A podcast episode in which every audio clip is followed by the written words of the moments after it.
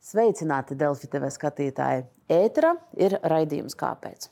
Un mani viesi šodien ir apvienotā saraksta pirmās personas.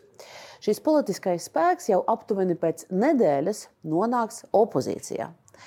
Vai politiķi šādu izvēli nenožēlo? Ko uzskata par savu veikumu valdībā un kā strādās opozīcijā? Šo visu tūlīt mēģināsim noskaidrot, bet sākumā neliels ieskats apvienotā saraksta vēsturē.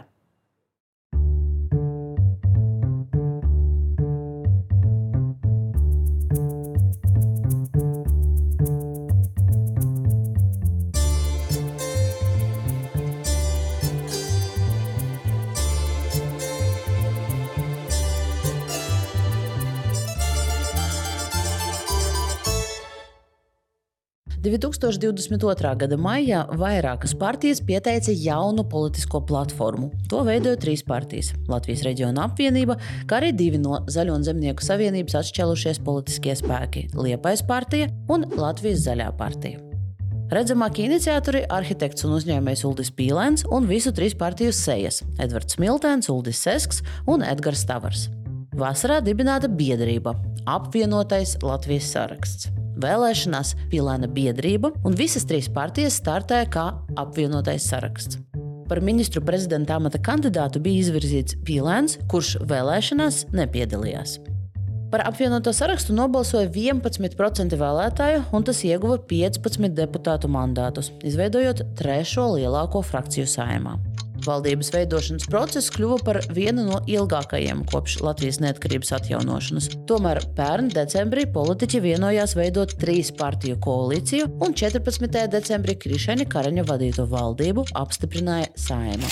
Vēl trīs ar pus mēneši pagāja, līdz valdībai izdevās nonākt pie rīcības plāna apstiprināšanas, apņemoties četru gadu laikā transformēt ekonomiku un par prioritātēm izvirzot drošību, izglītību, enerģētiku, vidi, konkurētspēju un dzīves kvalitāti. Apvienotā saraksta pārziņā nonāca četras ministrijas, bet Smiltēns nokļuva saimas priekšsēdētāja krēslā. Koalīcija sašķobījās neilgi pirms valsts prezidenta vēlēšanām, kad apvienotais saraksts pieteica Uldi Pīlēnu kā valsts prezidenta amata kandidātu. Pilēnam tomēr neizdevās iegūt nepieciešamo atbalstu, un ar opozīcijas partiju, ZZS un progresīvo balsīm šajā amatā ievēlēja jaunās vienotības politiķi Edgars Rinkēviču. Uzreiz pēc prezidenta vēlēšanām jaunā vienotība uzstāja uz koalīcijas paplašināšanu, iekļaujot tajā progresīvos un ZZS. Koalīcijas paplašināšanas sarunas turpinājās visu vasaru. Apvienotais saraksts un Nacionālā apvienība uzstāja uz līdzšinējas koalīcijas saglabāšanu, līdz augustā premjerministrs Krišēnis Kariņš paziņoja, ka atkāpjas no amata. Nākamās valdības veidošanai prezidents nominēja jaunās vienotības politiķi Eviku Siliņu. Koalīcijas veidošanā jaunā vienotība aicināja piedalīties piecas partijas, tomēr Nacionālā apvienība atteicās iet vienā valdībā ar progresīviem. Augusta nogalē jaunās koalīcijas kodolu apņēmās veidot jaunā vienotība, ZZS un progresīvie, piedāvājot iespēju valdībā nākt arī apvienotiem sarakstam. Apvienotais saraksts nāca klajā ar vairākiem nosacījumiem sadarbībai ar ZZS, tomēr 1. septembrī pavēstīja, ka Siliņas veidotajā valdībā nepiedalīsies. Un studijā šodien ir apvienotā saraksta dibinātājs un uzņēmējs Ulris Pīlēns. Sveiki! Uh, apvienotā saraksta valdes līdzpriekšsēdētājs un saimas frakcijas vadītājs Edgars Tavrs. Labdien! Un vēl viens apvienotā saraksta valdes līdzpriekšsēdētājs un saimas spīkeris Edvards Miltons. Labdien! Sveicināti, labdien! Un tad mēs sāksim ar uh, koalīcijas sarunām un kā šis stāsts izvērtās pēdējos mēnešos.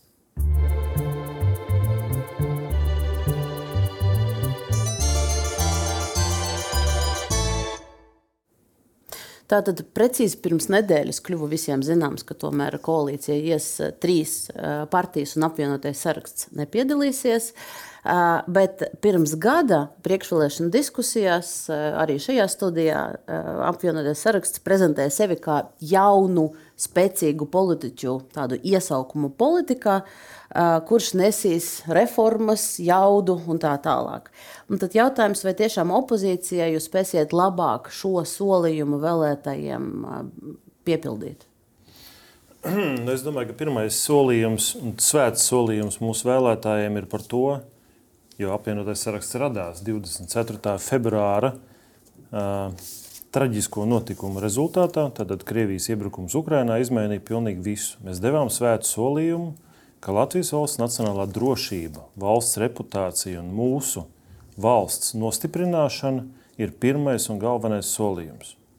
Tāpēc mēs šo solījumu esam skaidri aizstāvējuši un arī šīm sarunām četru mēnešu laikā, noslēdzoties ar mūsu galu lēmumu, neakceptēt 10. maija vienošanos starp Lembergu un ZZS, jauno vienotību un progresīvajiem, mēs šo solījumu svētu arī esam turējuši. Bet tas galvenais iemesls, eh, ja jums jānosauc eh, iemesls numurs viens, neiesaistīties šajā koalīcijā, tad tas ir Lembergs. Nē, ne tikai. Gudīgi sakot, man jau izveidojot šo valdību, kura tika 23. janvārī apstiprināta saimā. Man jau bija aizdomas par to, ka premjerkungam, Kariņa kungam nav ilgtermiņa plāna attiecībā uz Latviju. Jo šī cīņa jau veidojot valdību, šī krēslu mešana, papīra mešana pa gaisu, faktiski bija mēģinājums mūs toreiz izprovocēt, lai mēs iet pie prezidenta Levita un aicinātu mainīt vienotībai premjera amata kandidātu. Zīmīgi, ka šo situāciju sakopa, ja tā var teikt, izcils diplomāts Edgars Rinkevičs. Jo viņš saprata, ka, ja Kariņa kungs noliks no šī amata, tad viņam būs jāiet viņa vietā. Tāpēc viņš maigi faktiski iespieda atpakaļ Kariņa kungu šajā pozīcijā. Un no tā brīža jau bija skaidrs no šīm etīdēm valdības veidošanā, iepriekšējā gada nogalē, Man personīgi bija skaidrs, kas notiks tālāk. Nu, protams, arī prezidenta vēlēšanas. Jau janvārī, februārī uzrunātais Valdis Dombrovskis kandidēja prezidenta vēlēšanās spēle ap Levitu, kas, kas Levita kungs varbūt tikai pašā pēdējā brīdī saprata, ka īstenībā šī nodevība sen ir notikusi. Tad, un rezultātā 10. maija vienošanās ārlietu ministrijā starp jauno vienotību, Lemberga kunga kontrolēto Zaļo zemnieku savienību un progresīvajiem par jaunās valdības izveidas nosacījumiem, un tālākie četri mēneši bija tikai mēģinājums uzlikt šo jauno 52 balsu valdību. Protams, izskatījās ļoti nērti un nesmuki, tāpēc vajadzēja atrast ceturto partneri. Ap šo arī viss ir grozījies visu šo mēnešu laikā. Okay, mēs, mēs šo stāstu vēl šķietināsim tālāk, un, un atsevišķas epizodes, bet eh, es Pilēna kungam gribēju uzjautāt par jūsu uh, lomu šajā visā procesā pēdējos mēnešos pēc prezidenta vēlēšanām. Jo publiski jūs nebijat redzams. Uh, ko, jūs, ko jūs darījāt? Es strādāju, es strādāju gan darbojoties ar apvienotās saraksta vērtību sistēmas, ja tā var teikt, stiprināšanas jautājumiem. Jo atcerieties, Jo es lasīju programmu apvienotam sarakstam, tad mēs solījām vērtībās balstītu ilgspējīgu politiku piedāvāt. Kā tas izpaudās? Ko tieši tas nozīmē? Darījāt? Ka mūsu, mūsu izpratne par to, kas notiek Latvijā šai brīdī, ir, e, var tikai Smiltēna kungam absolūti piekrist visā šajā ekspertīzē, kāda viņa bija veidojusies, un nepieciešamais iegūt laika tēma, kas bija nepieciešama jaunai vienotībai, iespējams arī Zemnieku savienībai.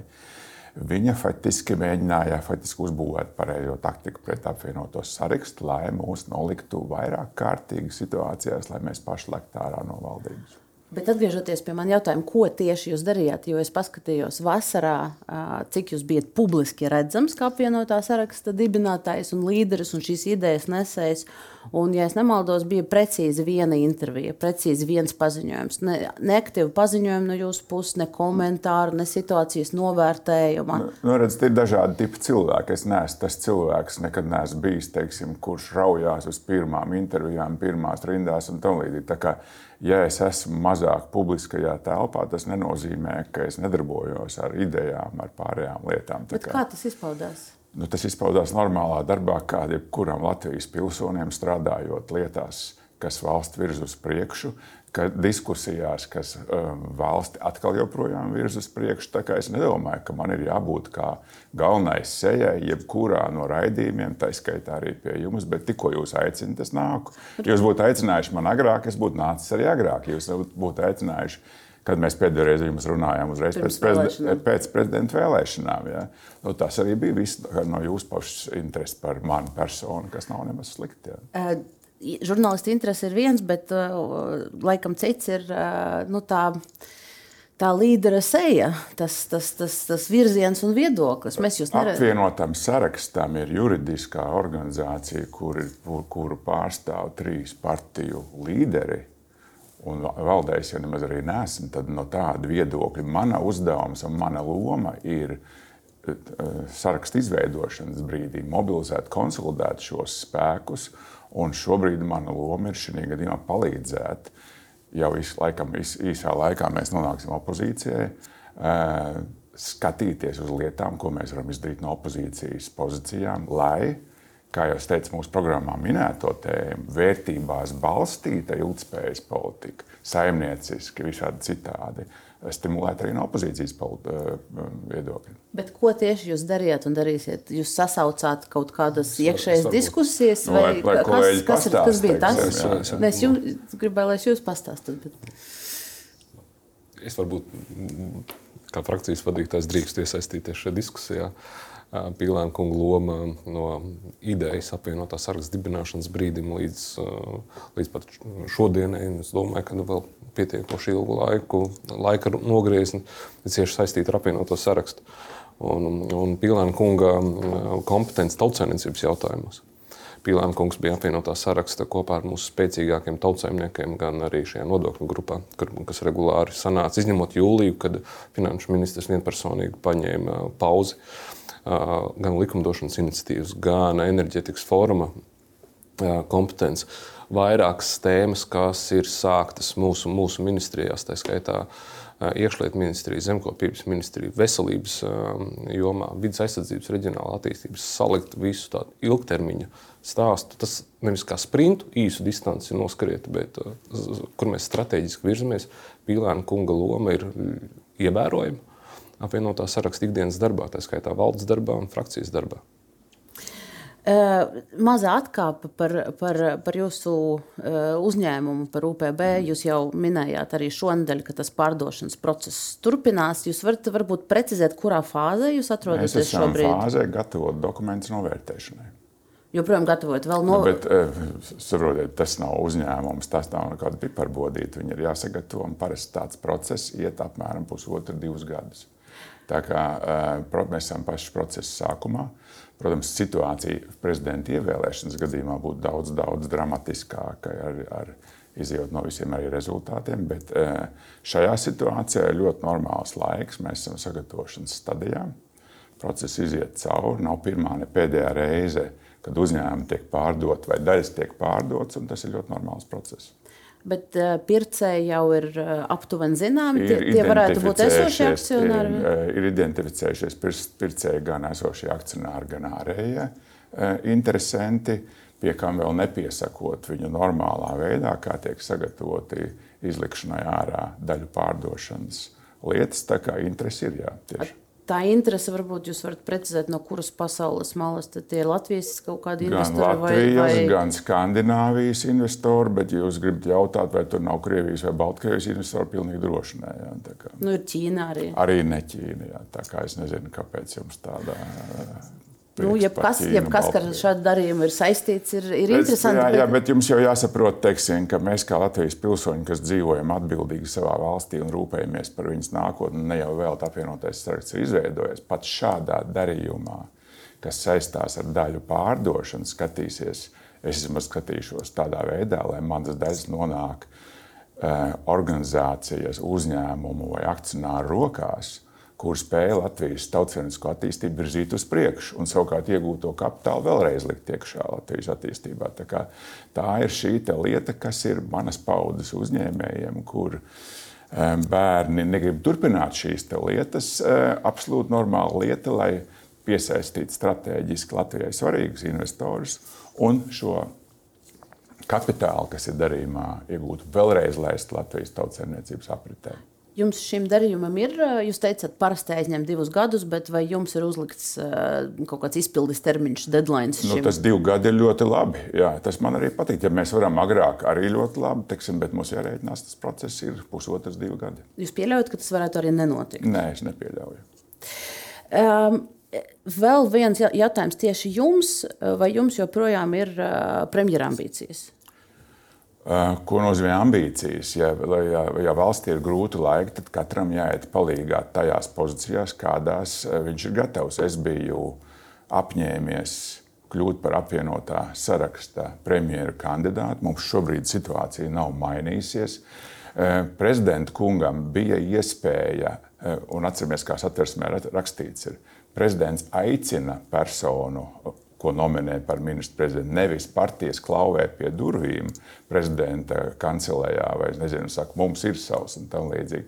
Varbūt mentāli esmu cilvēks, kas nelien uz skatuves nevajadzīgi, bet grūtajā brīdī, protams, teiksim, man atbildība par to, ko es esmu solījis darīt, viņa, viņa ir svarīga. Protams. Bet šogad no apvienotā saraksta šovasar, kad Karņakungs atkāpās, tad es citēšu aģentūru Leta, kur uh, Rajeva kungs uh, atzina, ka apvienotā saraksta premjerāmata kandidāts Ulris Pīlēns, un es citēšu, neesot bijis gatavs to darīt esošajos apstākļos. Nu, kas Tad ir jūs pateicat, ka neesat gatavs? Ja, es domāju, ka nevajag te kaut ko pārprata? ka nevajag manipulēt, jo skatāmies, esošie apstākļi ir, kad uh, Uldim Pīlēnam pie jebkuras matemātiskas loģikas pietrūks balsis, kur vismaz ir 51 balss šai situācijā. Es, es varu mazu komentāru arī. Jā, es, mēs tikāmies ar valsts prezidentu kungu pēc valsts prezidenta vēlēšanām.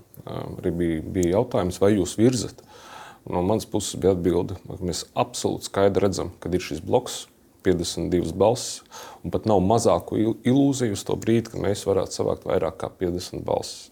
Cita situācija būtu, ja valsts prezidents būtu pateicis, nē, virz, es, ne, es virzu, es palīdzēšu, taisam konsultācijas. Līdzīgi mēs arī argumentējam, tiekoties ar valsts prezidentu. Jūs saprotat, 10. maijā šī vienošanās, kas tagad atspoguļojas, viņi visi kļūst absolūti caurspīdīgi un redzami. Paredzēja to, ka 52 balsis nodrošina prezidenta ievēlēšanu. Lemberga kunga vadītajiem ZZS kontrolētajiem un progresīvajiem pretīm tiek nodrošināta iespēja strādāt jaunajā valdībā, un savukārt šīs divas organizācijas vēl nodrošina vienotībai garantēt iespēju vadīt valsti kā premjerministram. 52 balsu pakts vienošanās 10. maijā noslēgts. Tātad mūsu gadījumā virzīt premjera amata kandidātu ar mūsu 15 balsīm, labākajā gadījumā vēl 13 Nacionālās apvienības balsīm, ja viņi būtu piekrituši, ir vienkārši tāda māžošanās tajā brīdī. Ja? Ja mēs zinām, ka 52 balsis ir skaidri vienojušās par to, kādā veidā tiks izveidota vispusēja varas konstrukcija Latvijas Republikā. Nu, pie šādas, eh, ja jums bija tik cieta pārliecība, ka nekas, nekas tur nav maināms, tad uh, jūs šajā, varējāt šajā, arī, šajā etapā, arī agrāk pateikt, ka mēs nekur neiesim šajā, un to vasaru nevilkt. Šajā, šajā etapā mēs vilkām vasaru. Tragiļevs kundze, jūs ļoti precīzi, tā kā vienotība mēģina iekodēt tos pareizos vēstījumus, jūs ļoti precīzi ieliekat jautājumus tieši tajā gultnē. Smiltēn, Nevis mēs vilkām šonedēļ, šonedēļ visās intervijās, kur jūs ejat, Jā, tāpēc, ka es to redzu, es to redzu, jūs, ne, ne, tie nav kritiski. Es redzu līnijas. Kā, es esmu 16 gadus politikā, es precīzi. Pie tam es esmu vadījis arī kā priekšādā devietnieks vienotību. Es zinu šo stilu un metodi. Pārzinu politiku. Tātad, kurš, kurš vilka valdības izveidi? Valdības izveide tika vilkta četrus mēnešus, jo premjeru kungam, Kariņa kungam, vajadzēja atrast elegantu sabiedrībai paskaidrojumu veidu, kā uzvelt vainu par iepriekšējiem gadiem neizdarīto apvienotajam sarakstam, kā iziet ārā, lai atbrīvotu sevi Eirokomisāra amatam un Eiroparlamenta vēlēšanām, un trešais, kā atmazgāt darījumu ar Lemberga kungu un progresīvajiem, lai tas neizskatītos tik rupšs un nērts. Tāpēc vajadzēja ceturto partneri. Tāpēc tika runāts pat nevis par piecu, bet ideālā variantā četru partiju koalīciju. Bet kodols bija 52, tur grozāms nebija pilnīgi nekas, ne pa milimetru. Šī vienošanās bija dzelzbetona un parakstīta ar asinīm. Līdz ar to četru mēnešu laikā viņi mēģināja legalizēt, piespiest mūs, pierunāt mūsu dažādiem veidiem, ar amatiem uzpirkt vai amatus atņemot un tā tālāk, mēģināja ievilkt mūs šajā darījumā, lai mēs to atmazgātu un legalizētu. Bet nav jau gluži tā, ka vienīgais, ko jūs eh, pret šo eh, ar asinīm parakstīto dzelzbetonu piedāvājāt, bija vecā koalīcija.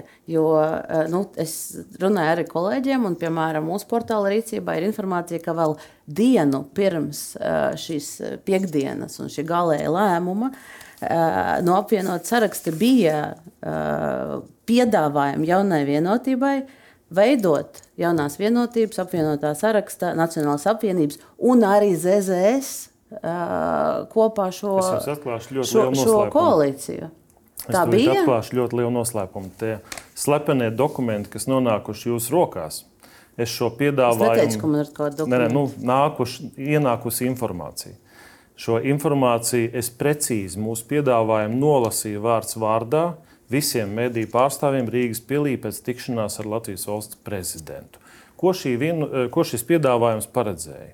Tas paredzēja nevis saglabāt veco koalīciju, bet visdrošāko koalīciju, kas ir sevi apliecinājusi, kas ir izveidojama Latvijas Republikas parlamentā, kas stāv skaidri un nepārprotami Latvijas nacionālo drošību kontekstā.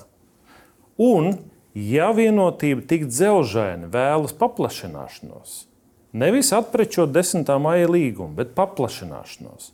Tad iespējas spērt 4. partneru virzienā soli vai nu progresīvā virzienā, vai zemnieku virzienā, bet ar skaidriem nosacījumiem. Tāds bija mūsu piedāvājums, kas bija galdā. Siliņas kundze šo piedāvājumu noraidīja. Skaidri apliecinot pirmdienas frakcijas sēdē, kas bija pie mums. Es vēl mēģināju izpratināt līdz detaļām, lai mūsu frakcijas kolēģiem nebūtu ne mazāko pārpratumu. Es vēl gala rezultātā locījās, paprasīju, vai jūs pieļaujat mazāko iespēju, ka varētu tikt izveidot koalīcija vai nu bez progresīviem, vai nu bez zemniekiem. Un pēc trīs vēl jautājumiem atbilde beigās bija nē. Kad es palūdzu bināru atbildi, atbildi vienkārši jā vai nē. Bet, ja pieļaujam... Un tas apliecina to, ka 52 faktiski bija līgums 10. maijā ko viņi apņēmās dzelžēni izpildīt, jo vienotība pierādījusi, ka viņa tur doto vārdu. Bet, Lemberga kungam, bet ne sabiedrībai, kas tika dots vēlēšanās. Bet, ja mēs pieļaujam pasaku scenāriju, kaut kādu, kā vienotība būtu piekritusi jūsu piedāvājumam, un eh, paplašinājusi esošo koalīciju ar ZZS, tad jūs iet kopā ar ZZS. Jo tie nosacījumi tagad jau tiek izpildīti. ZZS nesaņēma nevienu no tām ministriem, kurus jūs negribējāt viņiem dot. Mēs redzam, kādas ministrus viņi virzīja. Nu, tas ir atsevišķs jautājums, un to mēs Jā, uzdosim. Un ticiet man, ka te būs jaunā vienotība, es viņus ļoti kritiski par to izvaicāšu. Bet jautājums ir jums. Ja jaunā vienotība būtu piekritusi jūsu nosacījumiem, kas trešdien jau tika publiski izstāstīts, jūs ietu valdībā ar Zaļo un Zemnieku savienību? Lūdzu, nu, fakti, faktiski jūs runājat par vienu daļu. Ja rūpīgi iepazīstās tas, ko Smiltēna kungs jā. arī prezidenta Pilī pēc tikšanās valsts prezidenta nolasīja, kas arī rakstiski ir publiski pieejama informācija, arī Letē mēs sniedzam to informāciju. Tur bija vesela virkne konkrēti saistīts ar Everu Lembergu. Tā skaitā, kāda ir nepieciešams pilnībā distancēt Aivaru Lembergu no um, ietekmes uz šo politisko procesu, pārtraukt šo politisko komunikāciju ar Aivaru Lembergu. Politisko ne tikai, un ekonomisko raksturu komunikāciju jā, ar šo personu. Ne tikai, ne tikai ar nosaucot šīs infrastruktūrai un valstī un drošībai kritiskās nozars, kurus mūsu ieskatā nevar vadīt Zaļo zemnieku savienību, bet arī pārtraucot šo komunikāciju ar ASV sankcionētu personu. Šajā brīdī Latvijas drošībai tas ir kritiski būtiski. Un, ja šos nosacījumus izpildīt un reāli pārbaudām un visiem saprotam, tad mēs varam diskutēt un runāt par iespējamu sadarbību Kāds koalīcijā ar, ar paplašinātu koalīciju, respektīvi jaunā vienotība, apvienotais saraksts, Nacionāla apvienība. Un tad vai nu progresīvie, vai Zaļo zemnieku savienību. Tavrakungs, visi tas zina jau gadu, ka Nacionāla apvienība ar progresīviem nekad nesadarbosies. Automā, jā, mēs, mēs ir... to arī zinām. Tad attiecīgi pēc izslēgšanas paliek ZZS paliek. Zaļo zemnieku savienību ar skaidriem nosacījumiem. Tad tie, nosacījumi, Viņi šobrīd jūs... ne tuvu nav izpildīti ne tuvu. Ir daļēji iet runa par šīm nozarēm. Mēs redzam, ka ir astoņi portfeļi, ko vēlas jaunajā valdībā, jaunā vienotība, kas ir publiski pieejama informācija. Bet, ja mēs runājam par Aivaru Lemberga ietekmi, ne tuvu nav. Diemžēl tā situācija taisnība otrādākais gājis. Jūs teicāt, zinām jau gadu. Mēs jau gadu zinām, ka progresīvie ir skaidri pateikuši savā oficiālajā paziņojumā, ka lielākais apdraudējums Latvijas valsts nacionālajai drošībai ir ZZS un Lembergs. Mēs jau gadu zinām, ka vienotība attiecās iet uz debatēm ar ZZS. Smiltēn teica, kungs, viņa ne, jo nesadarbosies ar ZZS, kamēr ZZS pilnīgi nenorobežosies no Aivara Lemberga. Mēs jau gadu to zinām. Un šajā studijā katru reizi, kad parādās jaunās vienotības pārstāvis, mēs par to runājam. Jūs to lieliski zinat. Es tikai atgādināju. Es jums varbūt papildināšu vēl par to tēmu, vai bija varianti pēc 10. māja. Nē, varianti nebija. Varianti bija vienīgais, vai par premjeru izvirzīs jaunās vienotības Siliņas kundzi vai Ašrādena kungu.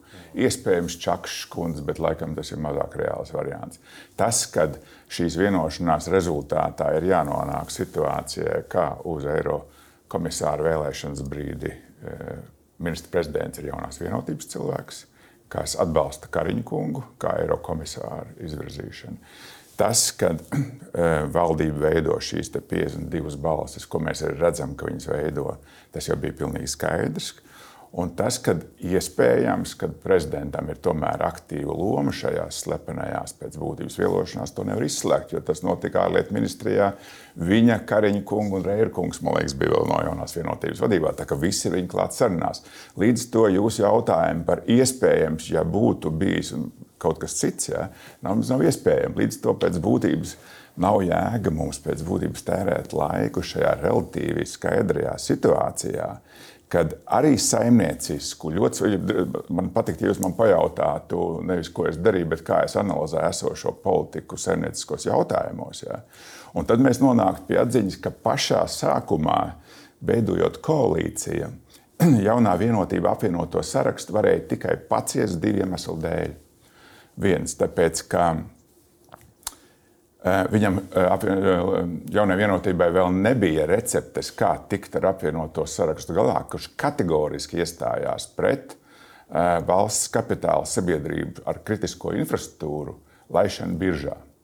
Jeb privatizācija. Jeb privatizācija vienkārši sakot. Un šis projekts bija ne tikai gatavs, bet arī mēs tagad redzam, ka caur enerģētikas ministriju, kuru es nezinu, kāpēc jūs Čudara kungu tik maz aicināt, jo, ja mēs redzētu to rezultātu, kas ir šobrīd šajā ministrijā, vienīgās tēmas, kas tur tiek gatavots, ir šis valsts monopola vējparks izmantojot Latvijas valsts mežus. Un vienīgā tēma, ko faktiski šobrīd Ašrādena kungs ceļ gaisā paralēli tam, ka mēģina nevis konkurētspēju uzlabot, kas bija viena no tām tēmām koalīcijai, bet, bet iekasēt papildus nodokļus caur nodokļu paaugstināšanu, nevis cīnīties ar pelēko ekonomiku, ir kapitāla daļu tirdzniecību biržā. Un, un te to... mēs nonākam interesantā lietā, ka gan mēs, gan Nacionālā apvienība teica, Latvijas nedrīkst laist biržā. Ne viņa, ne viņa meitas uzņēmumus. To mēs jā. zinām. Jā. Latvijas mežus nedrīkst laist. Pirmajās sarunās, ar, kuras mēs vedām ar jauno vienotību, kur kunga un es arī biju klāt, uzreiz no Kariņa kunga tika signalizēts ostas privatizēt. Nu, šī gadījumā laist biržā. Latvijas energo, Latvijas mežus kuram vēlāk jau pievienojās Ašrādena kunga prezentācija par Rīgas ūdens, par Rīgas siltums. Un te ir interesantā lieta. Mēs saduramies ar diviem saimnieciskiem modeļiem. Mūsu izpratnē tā ir pašpietiekama valsts, kur valsts ekonomiskā spēja būvējās uz viņas iedzīvotāju maksāt spēju un uzņēmumu spēju uh, lielā mērogā maksāt nodokļus. Vai valsts kapitāla modelis, monopola kapitāla modelis, kurš nopelnīto peļņu, kā mēs redzam, caur Latvijas izdara, e, izdala daļēji kā pabalstu tiem cilvēkiem, kuri vairs netiek līdz šiem maksājumiem. Un veidojās viens slānītis, labi atalgots menedžments valsts pusē. Valsts lobē šo ideju un pēc būtības uz vidējās un pat arī lielās uzņēmējdarbības un iedzīvotāju rēķina. Un tāpēc jau mēs esam šajā atpalikušajā situācijā. Un šīs ir lietas, par ko es labprāt ar jums parunātu aktīvā formā. Labi, kas citā, ir darīts citā, šo... citā reizē un, un mēs noteikti... Jā, es atvainojos, varbūt vēl, es, es pēdējo teikumu. Ļoti īsi, automātiski tas konflikts bija ieprogrammēts šāda te principiāla atšķirība tautsēmniecības attīstības dēļ. Tā brīdī, pirmajā brīdī nebija metodas, un tāpēc deklarācijā, kas mums ir kopā parakstīta, ir rakstīts, kad, eh, ko mēs vienojamies visi trīs, ka valsts kritiskā infrastruktūra nevar nonākt um, privāto personu rokās. Mēs zinām, kādas problēmas. Savukārt mēs teicām, ka nav problēmas iet ar tādiem uzņēmumiem, kā ir Baltika biržā. Nav problēmas Altumam iet biržā. Tas viss tur nav. Tāpēc paņemiet līdzi šo saimniecisko komponentu un, un, un šo konfliktu zonu dažādu redzējumu ziņā, arī par reģionu saimnieciskām lietām, lai mēs nonāktu pie saknes, kas ir pamats šāda veida nu, teiksim, tā, bezprincipiāla no ideoloģiskā viedokļa jaunās koalīcijas ar 52 plus balsu izveidošanai. Un plus nodokļu tēma. Nu, un to visu jūs varētu turpināt risināt, iesaistoties šajā koalīcijā. Tur jums nav pilnīgi taisnība. Tāpēc, ja mēs redzam, ka jau esot koalīcijā, un es biju nodokļu grupā, kur Ašrādena kungs vienpersonīgi īsti četras reizes pirms mēs sākām diskutēt par nodokļu izmaiņām, kas varētu palielināt Latvijas konkurētspēju, norāva vienkārši visu jūliju. Jo paralēli gāja gan šīs jaunās, jaunās koalīcijas 52 eh, veidošanas process, Un paralēli eh, Ašrādam kungam nevajadzēja publiskas diskusijas ar sociālajiem partneriem un uh, Nacionālo apvienību un mums ne par banku tēmu, ne par uh, mazo uzņēmumu darbības nodokļu samazināšanu, ne par aktīvāku valsts intervences lomu lietās, kas skar reģionālo infrastruktūru un tam līdzīgi. Šī vienkārši diskusija bija, bija nepie, nebija nepieciešama. Tieši otrādi, tad, kad mēs atgriezāmies ar kamerām un visu presi, tika prezentēta. Finanšu ministrijas ierēģiņu piedāvātais redzējums četriem scenārijiem, kur visi gala beigās robežojas ar nodokļu palielināšanu. Pilēnkungs, paldies par, par Lūdzu. šo uh, mini lekciju, bet, bet es, eh, es atļaušos to virzienu neattīstīt, jo šis no, nu, tomēr ir mazliet cits raidījums. Bet, eh, es gribēju atgriezties pie Zaļo un Zemnieku savienības un nospēlēt jums mazu fragment no uh, Providus uh, vadošās pētnieces un arī, un arī uh, direktors Ivets Kažoks teiktā rīta panorāmā raidījuma Latvijas televīzijas raidījuma pirms laika. Uh, Mazliet vēl finalizējot stāstu par, par ZZS, viņas skatījums uz to, kā tiešām varēja mazināt to Lemberga ietekmi. Īsi fragments lielākais faktors tam, vai Lemberga ietekme būs liela nākamajā valdībā vai maza, ir šobrīd apvienotā saraksta rokās. Ja viņi pievienojas jaunajai koalīcijai, tad viņiem kopā ar jauno vienotību un progresīviem ir 51 balss, un ja pat Lembergs mēģina ar savu partiju ietekmēt kādus procesus, viņam tas neizdodas. Ja paliek šis koalīcijas kodols ar trim partijām, nu, tad uh, es neņemu to spekulēt par to, cik lielā mērā Aivars Lembergs varētu diktēt gan ZZS, gan arī visas valdības turpmāko. Jūs, jūs nesaskatāt pilnīgi paradoksu un absurdu šajā tēzē. Ja 10. maijā bija dzelžēna vienošanās starp Lemberga kungu ZZS, progresīviem un vienotību par visu varas sadali valstī tad kā viņam nevar būt atslēgas, dominējošā un izšķirošā ietekme šādā valdībā, vienalga, vai mēs tur esam vai mēs neesam? Beigās jau viss ir balsīs. Beigās viss ir tāds - un Lemberga balsis saimā ir divas. Tik, tikpat labi mūsu balsis ir tikpat, tikpat vērtīgas kā opozīcijā, tā pozīcijā. Jo lēmumus pieņems Latvijas Republikas saimē. Mēs joprojām esam parlamentāra demokrātija. Joprojām. Ja? Nekas nav mainījies. Ja ir izveidojis bloks ar 52, jūs varat 48 un, balsīm otrs, galvas stāvēt. Un, un, un otrs absurds. Jūs saprotat, pie scenārija, kas bija vienīgā iespējamā, absolūti tīrā Latvijas nacionālajai drošībai garantētā koalīcija, kur ir alternatīva. Tātad, ja, ir Nacionāla apvienība, apvienotās saraksts un jaunā vienotība. To mēs secinājām taču pagājušā gada rudenī. Un viss diskurss ir pagriezies par to, a, kā mēs atmazgāsim Lembergu, kā mēs viņu paslēpsim. A, kā varētu sabiedrībai iedot tādu, tādu miglu, ka viņa īstenībā te nav. Iznāk Brigmaņa kungs un saka, mums ir regulāra sadarbība un komunikācija ar Lembergu kungu. Ja? Lemberga kungs iznāk un saka, te nebūs nekāda kanādieša, kad es būšu valdībā. Kad es būšu valdībā, ja? tad šis absurda teātris ir aizspēlēts tik tālu, ka man šķiet, jau sabiedrībai, kas pat neseko politikai, jau viss ir skaidrs. Bet te ir jautājums, kāpēc darbībā neviens nevar pat tūmā sadarboties sankcionētu personu, kaut ko apakšuzņēmējs vai piegādātājs vai kas. Valsti, tas ir audra krimināla atbildības starp. Valsti var veidot. Jā. Man tas liekas absurds. Un, ja mēs runājam par tādu godīgu spēli politikā, tad priekš manis tādas pēdējās ilūzijas, um, teiksim, kas vēl bija palikusi sabruka pēc 10. Um, māja, mēs izvirzījām visa frakcija aicinājām Ulu Pīlānu piekrist, eh, kļūt par mūsu virzītu valsts prezidenta amata kandidātu. Mēs pirmie iznācām no visām saimnes frakcijām, tā skaitā koalīcijas frakcijām, atklāti to darot, bez jebkādas slēptas vienošanās. Mēs vienojāmies, ka mēs apmeklēsim visas saimnes frakcijas ar visiem atklāti un precīzi savu vērtību vektorā izrunāsim. Nesolīsim arī šos labumus pretīm par balsojumu, bet tikai to, ko valsts prezidents, kā valsts prezidenta institūcija, var nest Latvijai kādu labumu. Un, un pretīm bija vienkārši pilnīgi cits spēles nosacījumi. Mēs gājām un piedalījāmies ar atklātu, ar fair play principu, godīgu spēli, un pretī ir vienošanās un līgums. Un šis līgums ir nocementēts, un mēs varam darīt, ko mēs gribam, un virzīt uh, savu ministru prezidentu kandidātu pret šādu vienošanos. Tas, tas, tas būtu negodīgi attiecībā pret visu Latvijas sabiedrību, ne tikai pret mūsu vēlētājiem. Nu, tur ir dažādas versijas par to, kurš tur kam ko piedāvāja un kādas bija šīs nu, sarunas. Šīs sarunas sarunās visās mēs, pats mēs... piedalījos un Pilāna kungs. Dragļevs kungs, tur jums ir bijis laikās, kad jums nevajadzētu strādāt vienu versiju uh, slazdos. Tad šī gadījumā es arī publiski nācu ar, ar atziņu, tad, kad apvienotais saraksts man izvirzīja, es iešu pie visām frakcijām. Tieši tāpēc, ka Levita kungs pirms tam bija teicis, ka viņam der tikai viena daļa balss. Un automātiski, lai izstāstītu savu viedokli, tā skaitā pie uh, stabilitātes, skaidri, lai pateiktu, ka mēs atbalstīsim Ukraiņas uzvaru līdz bet, līdz, līdz. Kungi, ja jums... Skaidrs, ka mēs neieguvām balsis teiksim, šādā veidā, bet pagriezt to, ka mēs nācām lūgties par balsīm, tas ir nožēlojami. Tā ir normāla politiskā spēle. Es atvainojos. Pie jaunās vienotības. Tā, tā ir jaunā normalitāte. Jā. Bet, kungi, ja jums tā ir jaunā normalitāte, kas ir ievazāta politikā. Smiltene kungs, es, es, es sapratu, atļaušos pārtraukt, jo es vienkārši, tas tā lieta, ko es šajā stāstā nevaru saprast.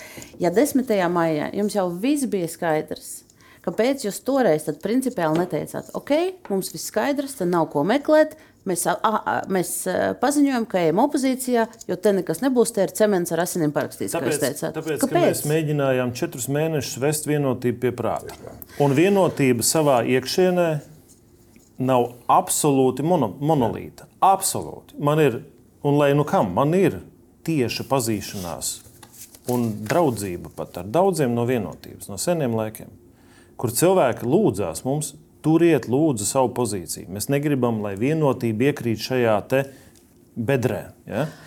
Un, un veicot šīs sarunas, mums bija cerība, ka vienotība kopumā ir iespējams vest pie prāta un saglabāt Latvijai drošāko koalīciju. Okay, vienotība... Uzvarēja šī šaurā vienošanās, un tad, kad mēs to sapratām, jau tajā pirmdienā frakcijas sēdē, tad, tad faktiski bija viss skaidrs. Ja? Tajā brīdī jau mēs bijām gatavi arī pieņemt lēmumu un pateikt skaidru nē.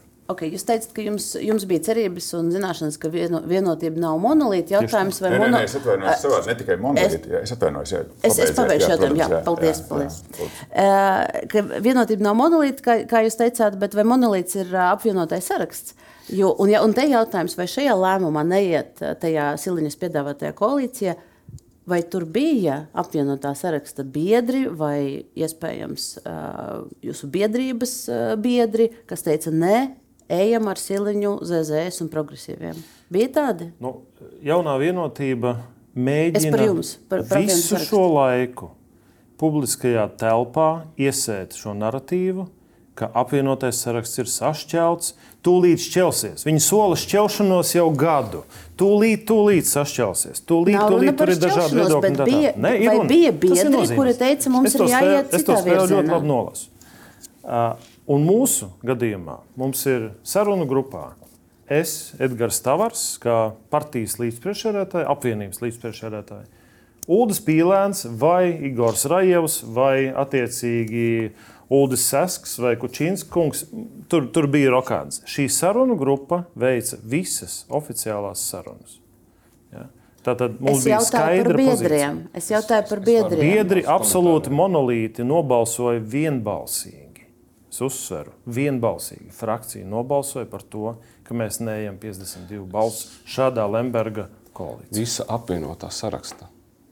Saimnes frakcija, kā jau Smiltēns minēja, visi 15. Es pats vadīju to sanāksmi devu vārdu katram mūsu saimnes deputātam. Visi 15 pateica, mēs nevaram tam piekrist.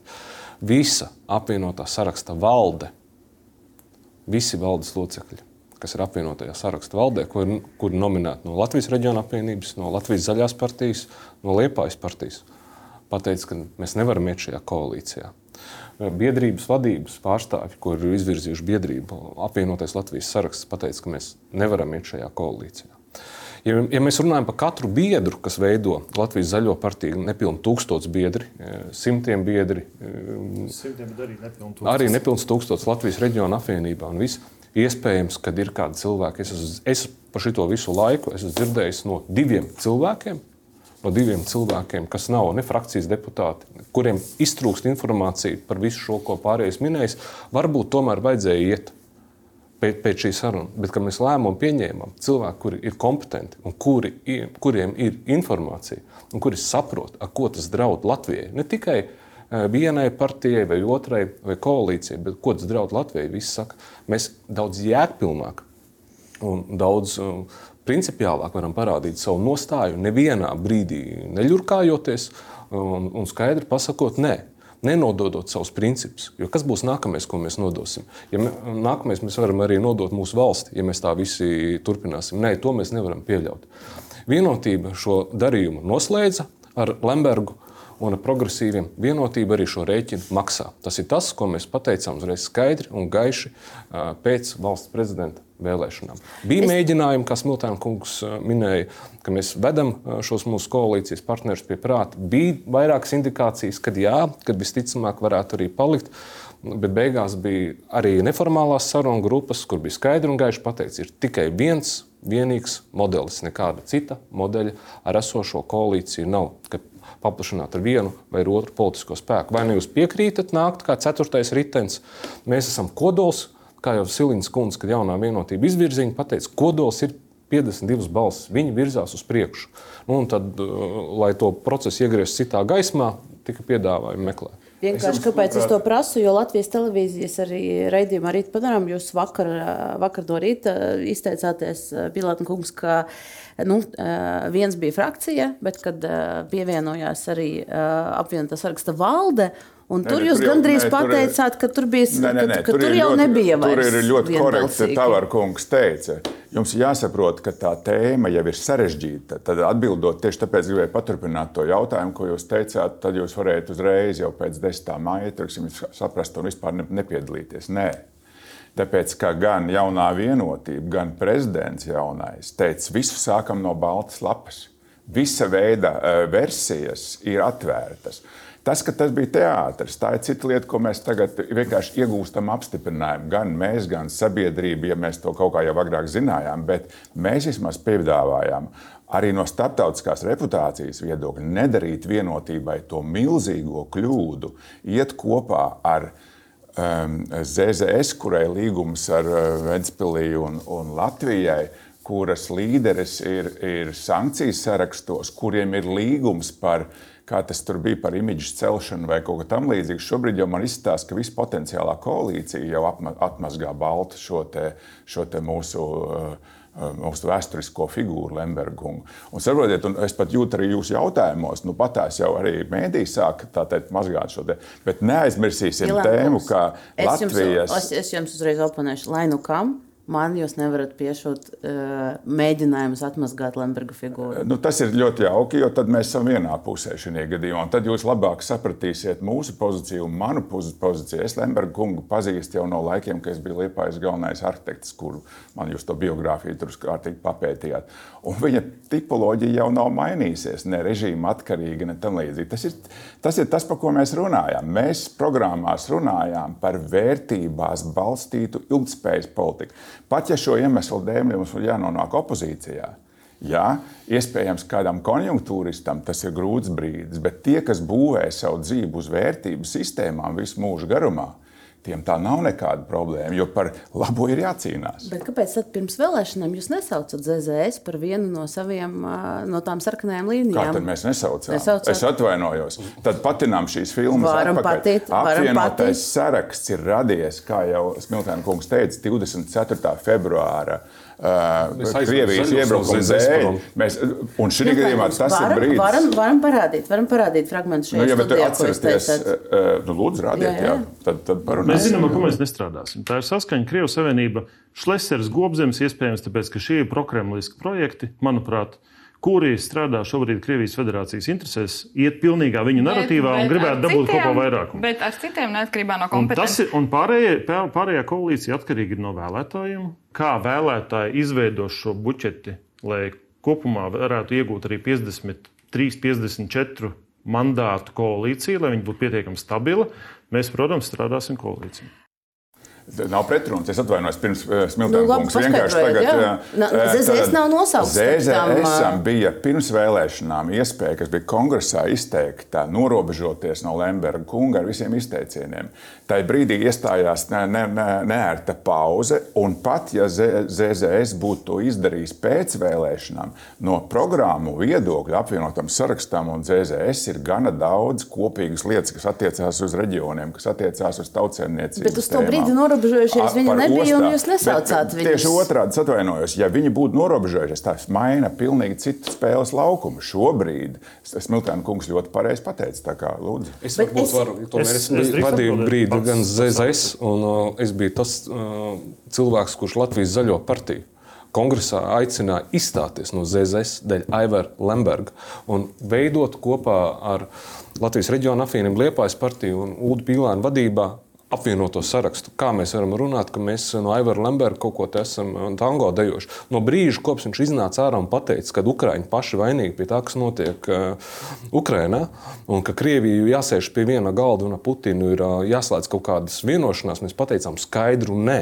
Absolūti viennozīmīgu nē, un vēlreiz nē kas attiecas par daudziem ierindas zemnieku savienības biedriem, kurus mēs tiešām pazīstam. Kā jau Pilānkungs minēja, zemsaviešiem, kam ir ilgas tradīcijas, tas ir cits stāsts. Bet kamēr viņi nav norobežojušies, vai vienalga viņi var nelaust līgumus, nelaust vienkārši politiskā komunikācija nenotiek ar Aivaru Lambertu, tikmēr mēs nevaram iet vienā koalīcijā ar viņiem. Tas ir absolūti skaidrs, betonā iebetonēts. Par šo vispār diskusiju nevar būt. Un mēs arī šobrīd ejam šo ceļu. Jā, šis ceļš ir ļoti sāpīgs mēs uh, ga, bijām gatavi meklēt risinājumus. Es arī savu zaļās partijas domnieku apjautāju vēl dienu pirms, vai mēs varētu iet teorētiski šo paplašināšanas ceļu attiecībā ar kādiem nosacījumiem. Īsumā vēl izstāstīšos nosacījumus. Man kolēģis saka, jā, mēs aizgājām uz pili, noprezentējām. To, kā ir iespējams paplašināt koalīciju, lai mēs strādātu, lai mēs varētu šo kompetenci, kas ir biedrības bezpartīskiem profesionāļiem, reģiona apvienība, zaļai partijai likt lietā. Ja mums pretī ir pateikts skaidri, nē, re, kur ir līgums, ko mēs parakstījām pirms vēlēšanām, jūs te varat apakšā parakstīties, novīzēt un esat viņa dalībnieks. Paldies! Mēs tālāk šo šajā spēlē nepiedalāmies. Mums jau arī atvainojos, bija vēl, vēl, vēl pēdējā brīža piedāvājums nosacīt, sakot, paplašināt esošo koalīcijas kodokļu ar, ar bezpartiskiem profesionāļiem atsakoties katram kolīdijas partneram. Arī tas tika noraidīts. Nā, Tad šobrīd tas, tas ar. Nu, vai vārdus var nosaukt? Jā, ka... protams, es teiktu, šādu piedāvājumu izteicu, gan man bija vieno, vienošanās, bet man bija vizīte pie prezidenta kunga. E, izteica vienošanu šādu piedāvājumu Ašrādena kungam. Nākamā, ja te pašā vakarā tika saņemts, ne, 52 Frakcijā, viss, frakcijā tika apspriests, un no frakcijas jā, mandātu Pīlēna kungs arī to darīja. Es personīgi arī runāju ar Ašrādenu kungu pirms Pīlēna kungs prezentēja šo ideju. Respektīvi, mēs meklējām un piedāvājām dažādus saprātīgus risinājumus, lai mēs droši virzītos uz priekšu. Latvija būtu tikai ieguvēja. Tā izskaitās Siliņas kā premjera personā būtu tikai ieguvēja. Ja mēs redzam tos uzvārdus un tās kompetences, kas tagad netīšām, es nezinu, varbūt tā ir palaistas baumas tad tur pilnīgi droši šis modelis būtu strādājis daudz labāk. Te, te man neliela pauze jāizdara un jā, jāatvadās no RTV skatītājiem. Tur lineārajā televīzijā mūsu ēteris ir beidzies, bet mums priekšā vēl ir uh, Delfi TV studija saruna gan par valdībā padarīto, uh, iespējams arī klātesošie kādus kļūdus nosauks un, un padarītos darbus, gan arī par to, kā apvienotais saraksts strādās uh, opozīcijā. Tas viss vēl priekšā, bet uh, no RTV skatītājiem mēs atvadamies. Paldies! Un, Smiltenkungs, es to visu stāstu gribēju uz, uz jūsu pusi pārvirzīt un mazliet, uh, mazliet par citu tēmu īsi parunāt, jo uh, Tavarakungs un jūs arī runājāt par to, ka apvienotās saraksts uh, principus nenodod, un es pieņēmu, ka tas attiecas arī uz Latvijas reģionu apvienību. Un tad man ir jautājums, jūsu novērtējums par to, kas notiek Rīgas domē. Jo tur uh, Latvijas reģiona apvienība sadarbojas vienā koalīcijā ar gods kalpot Rīgai, ko jūs iepriekš tajā fragmentā, ko mēs rādījām, saucāt par, uh, nu, par Kremļa aģentiem un, un par uh, Krievijas federācijas uh, labā strādājušiem. Nu, kā reiz mums Rīgas domē ir divi deputāti no 60 Latvijas reģiona apvienībām. Mēs esam kopīgā frakcijā Nacionālā apvienība. Un, uh, godīgi sakot, es pat neizsekoju, kurā brīdī tas sprādziens notika Rīgas domē. Rīgas doma kā vicemērs atstāja līdz ar saimnes vēlēšanu noslēgumu un saimnes mandātu saņemšanu. Taču ir skaidrs, ka šis konflikts, kas pārauga sprādzienā starp progresīvajiem un vienotību, kur progresīvie sāka vainot vienotību korupcijā, nesaimnieciskos darījumos, tur, un, un, un tā tālāk, kaut kādā veidā Latvijas koalīcija bija jānotur. Jo visas šīs sarunas pēc tam Rīgas domē, es pats viņās neiesaistījos vispār. Bet visas šīs sarunas tomēr veda uz strupceļu, kur progresīvie pateica, ka viņi nestrādās. Vienotība mēģināja vēl kaut kādā veidā viņas inkorporēt, un beigās vienīgā versija, kā uzlikt Rīgas domas koalīciju, bija salasīt no malu malām šos te, uh, deputātus. Ja. Bet vēlreiz, jūs, jūs šajā studijā uh, saucāt gods kalpot Rīgai kā daļa no Šlesera saraksta. Jā. Nu, es tur necitēšu, tur bija strādā Krievijas interesēs un uh, prokremliskais projekts un tā tālāk. Vairāk gan domāju, tad ir ok ar viņiem. Vairāk gan saistās ar Mr. 20 stāstu jā, Rīgas domē. Bet nošķirsim arī pašvaldības kompetenci no valsts kompetences. Mēs pavērot visas pašvaldības, kā okay, kurš sadarbojās, jūs tur ieraudzītu tādas varavīksnes krāsas. Nošķirsim, nošķirsim pašvaldības kompetenci. Mēs varam parādīt, ko šajā studijā arī pirms gada Smiltēna kungs teica par, par, par LRA un Nacionālas apvienības mērķiem pirms Rīgas domas vēlēšanām. Attiecībā uz Rīgas domu, kas ir nākamais etaps, bija viens vienīgs uzdevums nogāzt prokremlisku koalīciju, Ušakova, Amerika tandēma izskatā, pārņemt varu Rīgā un sākt īstenot normālu, pareizu politiku Latvijas valsts galvaspilsētā. Bet uh, Burovs un, un Radzevičs, kuri tajā brīdī bija sarakstā priekšvēlēšana, nevis uh, Ušakovs un Amerikas, viņi jau ir tie, kas, kas bija tajā, tajā visā stāstā un tajā visā, kā jūs teicat, prokremliskajā koalīcijā. Ir būtiska atšķirība starp valsti šobrīd un Rīgas domu. Rīgas domē nekādu citu koalīciju kā šobrīd esošā faktiski izveidot nebija iespējams. Dēļ konflikta starp Oļegs vienotību. Burovs ir tas pats, viņš saimā ir tas pats pārējot eh, pārī eh, eh, dom, dom laukumam, viņš, viņš tad pārto par... Drīkst, drīkst viedokli paust. Jā, jā. Tad Rīgas domē izveidot citu koalīciju, ņemot vērā šo ārprātīgo konfliktu, asiņaino konfliktu starp vienotību un progresīvajiem, izveidot nav iespējams. Pretējā gadījumā tad jāiesaist ir saskaņa, Krievijas Savienība un tā tālāk, kas ir absolūts nonsens. Latviešiem saglabāt varu galvaspilsētā, šis bija vienīgais scenārijs. Saimā un valdībā ir absolūti droša koalīcija iespējama, kas strādāja, piedodiet, 107 dienas pēc būtības tikai strādāja.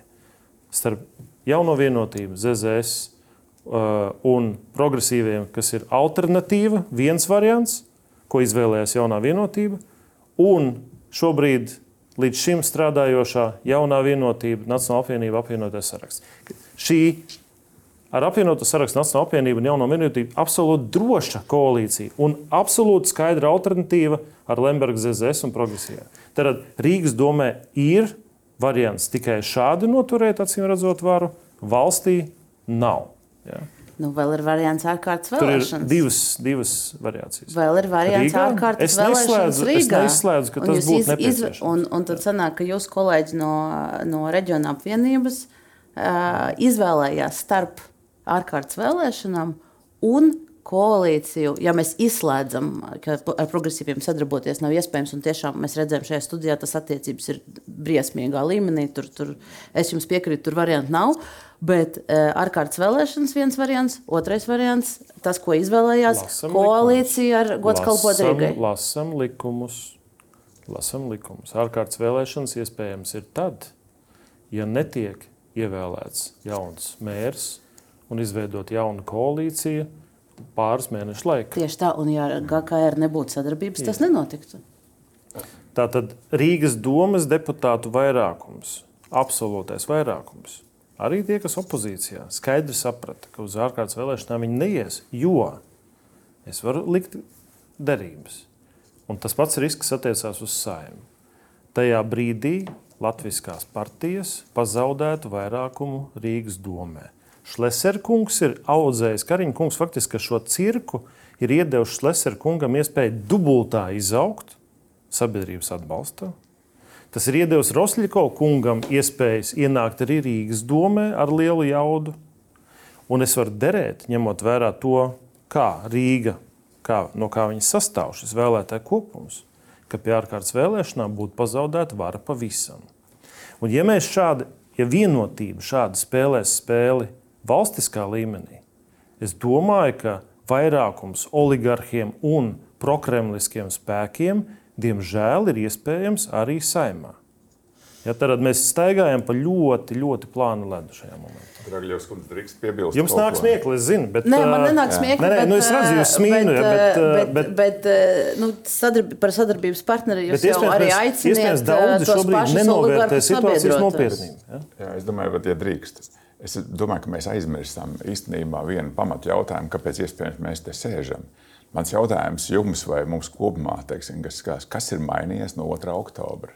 Vai problēma kara tēma Ukrainā ir beigusies? Nē, viņa ir iegājusi ilgstošā fāzē. Jā, mums tas ir labāks brīdis priekš Latvijas, mums iedot attēlu, lai mēs sakārtotos. Vai 2. oktobra labākais iespējamais koalīcijas eh, versija kaut kādā veidā šobrīd ir torpedēta? Nē, vai balsojums par šo koalīciju, kas bija vēl pirms prezidenta vēlēšanas, viņš viennozīmīgi izgāja cauri. Kas ir mainījies? Izņemot, ja mēs tagad pieņemam, ka 10. maijā tika noslēgta smaga vienošanās, Latvijas interesēm neatbilstoša vienošanās. Tagad mēs visi kopā cepamies, ņemamies par tēmu, kā būtu, ja būtu tā vietā, lai normāli turpinātu darbu. Priekšā ir budžets, priekšā ir iestrādes ministrijās, visās ministrijās. Par to mēs runāsim ar, ar, ar šīm, šīm trīs koalīcijas, topošās koalīcijas partijām. Un ar jums, un ar jums Pilēnkungs, es, es jūs pārtraukšu, diemžēl man nāksies, bet es gribēju ar jums parunāt par tiem darbiem, kas apvienotiem sarakstam esot valdībā šos deviņus mēnešus. Uh, uh, ir izdarīta vai nav izdarīta.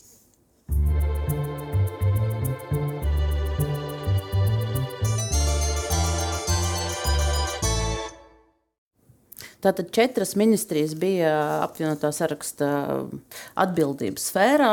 Un, uh, man ir jautājums, vai, vai ir kaut kāda uh, reforma vai iesākta, jo skaidrs, ka deviņos mēnešos pabeigt kaut Faktiski ko. Četros. Pa, Nu, faktiski četros. Okay, labi, tur, Juridiski tur var... termiņos faktiski četros.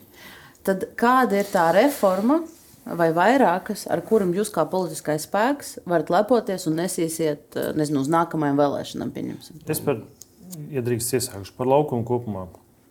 Mēs bijām skaidri novienojušies, runājot par to, ko var izdarīt tajā gadā, kas nav vēlēšana gads.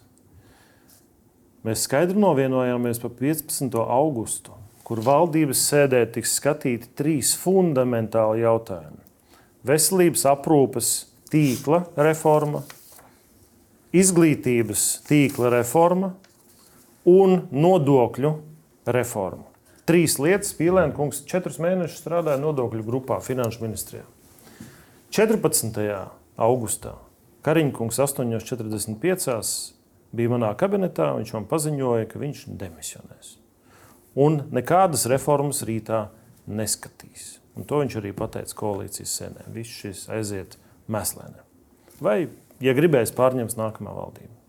Tās ir trīs fundamentālas lietas, ko sagaida Latvijas iedzīvotāji, lai būtu pieejama veselības aprūpe, kvalitatīva pakalpojuma, lai būtu izglītība, kas nodrošina viņa bērniem iespējas dzīvē sasniegt lielas lietas un kalpot Latvijai ar citām zināšanām, un nodokļi, kas nespiež mūsu uzņēmējus pamest valsti un savu rezidents valsts noteikti Igaunija, Lietuva vai kāda cita valsts. Ja? Tad par šo bija stāsts. Šis viss ir aizgājis mēslēnē. Varams, zemkopība, un, un iekšlietas, ja, iekšlietās robeža un iekšlietas sistēmas atalgojums, kur parādījās disbalanss, ko palaida garām Finanšu ministrija. Aizsardzībai iedeva papildus naudu, iekšlietām mēs nācām jau pavasarī. Teicām, ka tā nevar. Mums iekšlietām jābūt izbalansētām ar aizsardzību, jo robežsardzē ir trūkums un deficīts kadriem. Tāpat arī valsts policijā iekšējā drošība tikpat svarīga, cik ārējā. Jūs... Un šis arī palika uz galda. Jūs iesākāt par veselības ministrijas pārziņā esošo slimnīcu tīkla reformu, un tiešām tur bija sagatavots šis plāns uz augustu. Un te jautājums, vai apvienotais saraksts, ja gadījumā nākamā, nākamais ministrs vai nākamā ministre pārņems šo plānu, jūs viņu atbalstīsiet kā, kā politiskais spēks, ņemot vērā to, ka tas visticamāk nozīmēs nu, kaut kādu optimizāciju pašvaldībās, kur, kur jums ir pārstāvniecība. Šis slimnīcas plāns Tieši šo plānu Līga Mendelsona apvienotā saraksta vadības uzdevumā. Metodiski izbraukāja katru slimnīcu, katru pašvaldību, apzināja reālu lokālo situāciju uz vietas, nevis tikai Excel tabulās. Un sadarbībā ar visiem pašvaldību vadītājiem izveidoja šo kartējumu, lai viņš būtu jēgpilns un iegūtu reālus efektus. Tāpēc arī mēs atbalstījām 15. augustā šo likt galdā un lemt un virzīt. Tieši tā. Likt galdā, lemt un virzīt, vai jūs arī balsojat, ja šīs, šīs piedāvājums nonāk saimā, jūs par viņu balsosiet? Visvairāk man žēl no visiem mūsu ministriem, jā. protams, visas komandas, bet taisnība Meņģelsons kundze, kur piekrita, kā bezparteiski profesionāli nākt šajā vissmagākajā nozarē. Vienotība, kurai bija premjerministrs un finanšu ministrija, pateica, nē, mums iedeva bez sarunām. Lūdzu, lūdzu jums, un paldies Meņģelsons kundzei par šo baiprātīgo darbu. Paturpinot uh, Smiltāna kunga teikto, šis um, ziņojums nebija līdz galam izslīpēts tādās niansēs, lai viņu varētu ap, ap, pilnīgi galīgi apstiprināt. Tas ir jā, jāsaprot. Ir, ir starp ziņojumi arī ministrs kabinetā par, veselību, par veselības aprūpes um, šo um, faktiski slimnīcu līmeņošanu, tīkla izmaiņām. Mēs redzam daudzas neiedzības, kas ir bijušas uh, šis disbalans ap reģionālo veselības pakalpojumu sniegšanu un, un centrālo, kas ir arī Kliniskās universitātes uh, abas slimnīcas, lai jēgpilni panāktu šo resursu izlietojumu, lai nebūtu dežūrējošie ārsti tikai tāpēc, ka braukā gan šo funkciju pārskatīšanu ar vienu mērķi, lai reģionā šī funkcija cilvēkiem tiktu sniegta, bet lai visu valsts kopumā nepārmaksātu. Un tas ir ļoti sarežģīts uzdevums. Un, Pats būtiskākais, ko mēs panācām ar Līgu Mendelsonu priekšgalā, ir arī budžeta sarunās. Mēs pirmais solis mēs saņēmām vairāk kā 140 miljonus. Iepriekšējā naktī mēs ar kolēģiem runājām, es pats vēl kā frakcijas vadītājs zvanīju finanšu ministram. Uh, lai mūsu budžets tiktu rītdien apstiprināts protokola lēmumam, koalīcijas protokola lēmumam, ir jābūt par 140 miljoniem. Kolēģi neļaus man kļūdīties. To mēs panācām, lai nodzēstu lielos ugunsgrēkus, kuri jau gruzdēja no, no, no tā mantojuma, ko Mendelsons kundze saņēma apstiprinam to, ka veselības tīklam reforma ir nepieciešama. Jēgpilna reforma. Mēs nevaram slikt šīs reformas visas pilnīgi vienā grozā. Skolas tīkla reforma vienkārši matemātiski aizslēgt skolas un veselības tīklu. Mēs varam runāt šajā tīklā par šīm līmeņošanām, ko arī Mendelsons kundze piedāvājas savā starp ziņojumā. Vai viņš bija pilnīgi simtprocentīgi gatavs tā, ko var uzreiz ieviest dzīvē? Nē, viņš nebija vēl simtprocentīgi gatavs, bet lauvas tiesa darba jau bija izdarīta. Un, un valdības lēmumi, kuri būs jēgpilni, kur mēs redzam, no kuriem kopumā ir vairāk labuma, nevis jaunuma, apvienotais saraksts pozīcijā vai opozīcijā, atbalstīs. Mēs taisnām otrādi. Mēs neatbalstīsim skaļus populistiskus lēmumus, kā piemēram vakardienas saimnes balsojums vienkārši uzrakst virsrakstu līmenī demisionējušai valdībai, kur pēc nedēļas vairs nebūs, atcelt visiem elektrības rēķinus un visiem to daļu, visiem naudu atmaksāt bez jebkāda izsvērta pamatojuma, kamēr eksperti strādā. Nu, tas ir pat ne populisms, tas ir vienkārši skaļš, vienkārši prasts spļāviens sabiedrības acīs, un viņus mēģināt uz muļķi ķert. Tādus mēs neatbalstīsim. Ja ir jēgpilni, gan no opozīcijas kolēģiem, vai no koalīcijas kolēģiem, mēs sniegsim maksimālo pienesumu, lai šis rezultāts būtu labs. Bet runājot par Mendelsons kundzi, nozarē viņa tiešām vērtē kā cilvēku, kas ieklausās nozares vajadzībās, bet ko nozare un arī publiski kritiski vērtē tā ir apvienotā saraksta loma. Un arī šajā studijā, piemēram, Jauno ārstu asociācijas vadītājs ir teicis, ka viņa izpratnē apvienotais saraksts nestāv un neatbalsta uh, savu ministru. Tas absolūti ne par, ne, ne par tiesu un uh, patiesībai neatbilstošu informāciju. Uzdrošināties apgalvot. Ja. Nu, tas bija pateikts. Un, un, tie, un, un to pasaka cilvēki, kas seko līdzi procesiem. Es atvainojos, bet, protams, ka viņiem nav zināmas visas nianses. Tā skaitā, kādā veidā mēs izcīnījām šos papildus 140 eh, miljonus tieši veselībai, kur jau gāja faktiski jau rulēja tas tā politika uz šo mīnus 140, kas ir tam līdzīgi.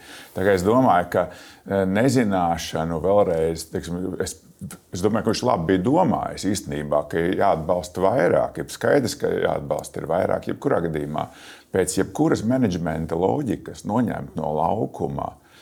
Ja, es runāju par visiem ministriem, bet īpaši arī par Meģilsons kundzi. Jaunu cilvēku, kas ir iemests iekšā, kurš tas iznāk astotais mēnesis, e, apmēram tā. Uh, Ka, tas ir neloģiski mētāšanās ar cilvēku kapacitātēm. Uzņēmēja darbībā nekad tādas lietas nedara. Automātiski valstī izrādās politiskā līmenī šāda atbildība pret cilvēkiem, pret menedžeriem, kuri ir nākuši palīdzēt valstī, izrādās ir Tas neko nenozīmē. Galvenais, ka tiek norealizētas kaut kādas lielas schēmas. Pilēnkungs par, par cilvēku kapitālu es jums pilnībā piekrītu, bet ta, tas ir jautājums tiem pārējiem atbildīgiem, un mēs to uzdosim. Jautājums ir jums, jo, ok, labi, veselības nozarē tie 140 miljoni ir izcīnīti šogad, bet kas nav panākts, ir šo uh, miljonu un vēl vairāk miljonu iekļaušana pamatbudžetā, lai arī nākamgad no jauna neveidotos šīs, šīs ugunsgrēks. To gan jūs nepanācāt līdz budžetam, kvalitatīvai budžeta diskusijai, ņemot vērā notikums 10. maijā. Mēs ne tuvu nebijām tikuši. Bet mums jau finanšu ne, ministrs saka, ka ne, nebūs. Ne tuvu nebijām tikuši, un šobrīd arī par to varam arī nesapņot. Mēs redzējām, kā jau Pīlāna kungs minēja arī šajā nodokļu grupā, kur mēs vienojāmies visu vasaru intensīvi strādājam. Katru dienu vēl nāk kopā salīdzina pulkstenis, katru nodokli izanalizē, lai mūsu nodokļu sistēma ir konkurētspējīga. Tas viss beidzās, ka jūlijā tika atceltas četras sēdes, un uz pēdējo sēdi jau atnāk ar, ar vienkāršu nodokļu paaugstinājumu plānu atsevišķiem nodokļiem. Jā, tas, tur, tur ir ļoti žēl, ka pēc būtības tas teātris ar visu sociālo partneru iesaistu ar ekspertu iesaisti, viņš vienkārši nogriežās nost, tā, ka nekas nebūtu bijis. Un automātiski tā ir atbildība šī gadījumā, protams, tas jāšraidina kungam, kā jaunās vienotības finanšu ministram. Ar lielu jautājumu, vai tiešām viņam bija labā griba iet uz konkurētspējīgu nodokļu izskatīšanu. Es ceru, ka jā, jo pretī to, ko mēs redzējām tajā, tajā prezentācijas un analīzes fāzē, mēs ļoti daudzās nodokļu grupās atpaliekam no kaimiņiem. Tāpēc arī šī konkurētspēja ir atslēgas vārds. Ja viņš tagad tiek aizmirsts, un vienkārši ir kaut kādas eh, manipulācijas ap nodokļu paaugstināšanu piedāvāts. Tā nav laba ziņa sabiedrībai. Tā nav laba ziņa investoriem. Uz tā fona, kas tagad notiek ar neskaidru ideoloģijā, neskaidras koalīcijas izveidi, tad eh, pie tam situācijā, kad ir iespējams turpināt normālu darbu.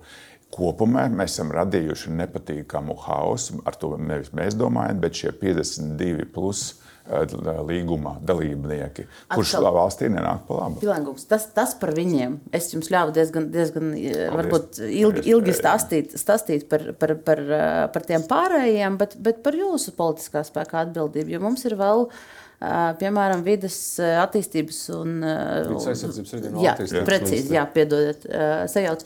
Bet arī, arī tā ir ministri atbildīga par vidi, par, par reģioniem, par pašvaldībām, jā. kur arī jūsu programmā jūs, jūs pieteicāt vairākas reformas, jā. piemēram, otrā līmeņa pašvaldības. Jā, mēs sākām Nav? sadarbību, sākām sadarbību saimā, nodibinājām Pirmās... speciālu apakškomisiju, lai izvērtētu pirmkārt satversmes tiesas visus spriedumus. Tur ir degošās lietas, ja mēs redzam arī pierīgu un varakļānu jautājumus. Tā skaitā. Bet, bet, Pirmais, ko ministrs izdarīja, atcēla plešu šo vaiprātīgo lēmumu par attīstības plānu apturēšanu, kas bija aizturējis investīcijas. Jūs, solījāt, jūs mums solījāt otrā Jā. līmeņa pašvaldības un, Jā. un, un, un četros mēnešos, diemžēl, nepabeidzām. Bet jūs Faktiskos, nebijāt, jo šī, taisnība. šis ir saimnes darbs, šis, šis arī ir saimnes darbs. Jā. Un tur tik, tikko komisija Sa, tā ir sadarbība ministra kabinets jā. un saima. Un, un, un, tur, un pirms rakstības pārtraukuma tika nodibināta šī valdība, Kariņa pēdējā valdība, fiziski nostrādāja normālos apstākļos 107 dienas. Tas vienkārši ir jāsaprot. Pirmais solis, pirmais pirmais, solis šajā, pirmais šajā solis ziņā ir saimas komisija, un to varēja dibināt to jau janvārī. Pirmais solis ieejot ministrijās. Šie ministri saskārās ar fantastisku mantojumu, unikālu. Ja, pirmie mēneši veselības ministrijā tur dega viss liesmās. Beidzot, vēl ar visiem covid ārprātiem, kas tur tika atstāti mantojumā un sastrādāti, vakcīnām, kas guļ kaut kādās noliktavās, kuras nav vispār lietojamas. Tā tālāk ir pasūtīts vakcīnas, Jā. kuras nevienam nav vajadzīgas, bet rēķins jāmaksā. Varamā, kas bet bija atstāts mantojumā. Par varamu runāju. Jā. Jā. Un Sprindžukungs sagatavoja jau. Un plānots bija jau rudenī tālāk diskutēt par šo reģionu izveidi, Otrs bloks ir pašvaldībām sākās. Kāpēc mēs esam tik lieli interesi un vienotībai ap varamu? Pašvaldībām sākās arī fondu sadalījuma posms. Būsim godīgi. Ja? Kā bija iepriekš? Rodeļu trases, vēl kaut kas, tur 2 miljoni, tur 30 miljoni tā tālāk. Sprindžukungs atnāca ar skaidru formulu, ka es nepieļaušu šo pēc deguniem dalīšanu, es nodrošināšu godīgas spēles noteikumus pašvaldībām.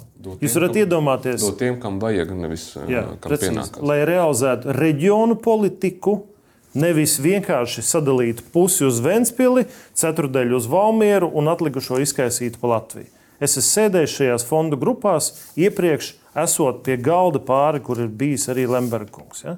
Es esmu sēdējis šādās valdībās desmit gadus atpakaļ. Es varu mazu komentāru. Un es zinu, kā šīs lietas notiek. Arī rakstot. Un jūs varat iedomāties to niknumu šiem spēlmeņiem, kad viņi saprot, ka viens ministrs uzliks vienu normālu, pareizu valstisku sistēmu. Arī rakstot Krišāņa Kariņa um, valdības deklarāciju, mēs vienojāmies, ka mēs rūpīgi izanalizējam visas kļūdas, visas funkcijas, kas pār, pārklājās, kur iedzīvotājiem reģionos, īpaši attālākos Latvijas reģionos, vēl īpaši ar mūsu austrumu robežas pašvaldībām, kur dzīve pēc reformas ir palikusi sliktāka. Mēs katru funkciju iz, izmēram pirms, pēc, nākam ar savu kvalitatīvu piedāvājumu un tad virzamies uz, uz šo potenciālo kļūdu labojumu. Bet, nu, lēni, Mēs neesam gatavi, kā, kā iep, nē, viņš ja grib kvalitatīvi izdarīt. Iepriekš bija vienkārši pārzīmē karte flomasteri, bez jebkādas analīzes un uztaisīt pēc tam ierēģi šos jaunos pašvaldību profilus, kas ir varam mājaslapā cits starp redzami. Bet de facto tika politiski pārzīmēta karte šo kļūdu izlabot, vienkārši izdzēšot šobrīd atpakaļ. Mēs radītu jaunu hausu, to vienkārši nevar darīt. Tāpēc ir jēgpilni izanalizēt un, un uzlikt šo piedāvājumu. Un darbs pie tā bija tikko sācies. Nu jā, jūs vienkārši kāpēc, kāpēc es uzdevu šo jautājumu? Jo, jo arī šajā studijā pirms vēlēšanām Smiltāna kungs teica, ka jau ir plāns. Jā, tāpēc es plāns. sagaidīju, ka, ja nu plāns bija, tad darbu varēs sākt ātrāk. Bet, Sprindžu kungam bet... ne tikai šis plāns, piedodiet, digitālā transformācija ir atslēgas jautājums Latvijas konkurētspējai un izaugsmē. Jau rudenī bija sagatavots skaidrs strateģisks plāns, veidojam digitālo aģentūru, centralizējam visus digitālos pakalpojumus tur. Veidojam, ir jau jauna stratēģija uzlikt attiecībā uz digitālo transformāciju Latvijā, kas mazinātu birokrātiju, atvieglotu pakalpojumus cilvēkiem, pātrinātu procesus valstī. Viss šis jau būtu gājis gaisā. Kariņa kungam vienkārši nebija šāda tālāka nodoma. Viņš brauks uz Briseli. Lūk, ir problēma. Nu, to mēs redzēsim, un mēs viņam noteikti jautāsim. Es gribēju Pilāna kungam varbūt vairāk uh, novirzīt nākamo jautājumu uh, par apvienotā saraksta tā darba organizāciju. Jo tā viena no lietām, ar ko apvienotā saraksta sevi prezentē, ka citādu spēku ir uh, nu, jau tagad folklorizējušās un diezgan leģendāras domnīcas. Uh, Tad tur bija versija, ka, ka tas ir tas, tas fiziskā izpausme, ir sarakstas WhatsApp, kā jūs teicāt, Smiltāna kungs. Nu, vienā, redzu, vienā, es vienā no bet, bet es gribēju, bet es gribēju Jā. pajautāt, nu, jūs varat tagad izstāstīt, kur ir tas domnīca, kā Domnīts. tas darbs ir organizēts, kā izskatās tas viss. Biedrības eksperti tiek iesaistīti visās tēmās, kas ir saistīti ar apvienotā saraksta darba laukiem šobrīd. Tas ir gan par veselību, gan nodokļu grupā, gan par finanšu sektoru, Bet gan reģionālā apvienība. Tas ir gan tikšanās, gan strādāšana ministrijās patiešo, tas ir gan piedalīšanās šajās kopējās tikšanās, gan enerģētikas konferences sagatavošanā. Un tā līdzīgi. Tā kā darbs ir. Tas, kas ir uzreiz jums pateikšu, tas, kas ir skaidri iezīmējies, ka um, koalīcijas partneriem, kā mēs bijām cerējuši, būs šī kompetence profesionālā no malas nepieciešama, izrādās, ka nē, jo e, ierēdniecībai ir pietiekami skaidrs, piemēram, finanšu ministrija mēs redzam. Ja pirmajās tajās nodokļu grupās bija tiešām augstāko finanšu ministrijas ierēģu aktīva iesaiste, lai saprastu, cik lielā mērā mums te ir kaut kādas problēmas, kas nāk no malas. Tad vēlāk jau tas bija atslābums un pēc būtības finanšu ministrijas ierēģi pārņēma visu laukumu, kas beigās e, iezīmējās, ka mums jau jūsu kompetences nevajag.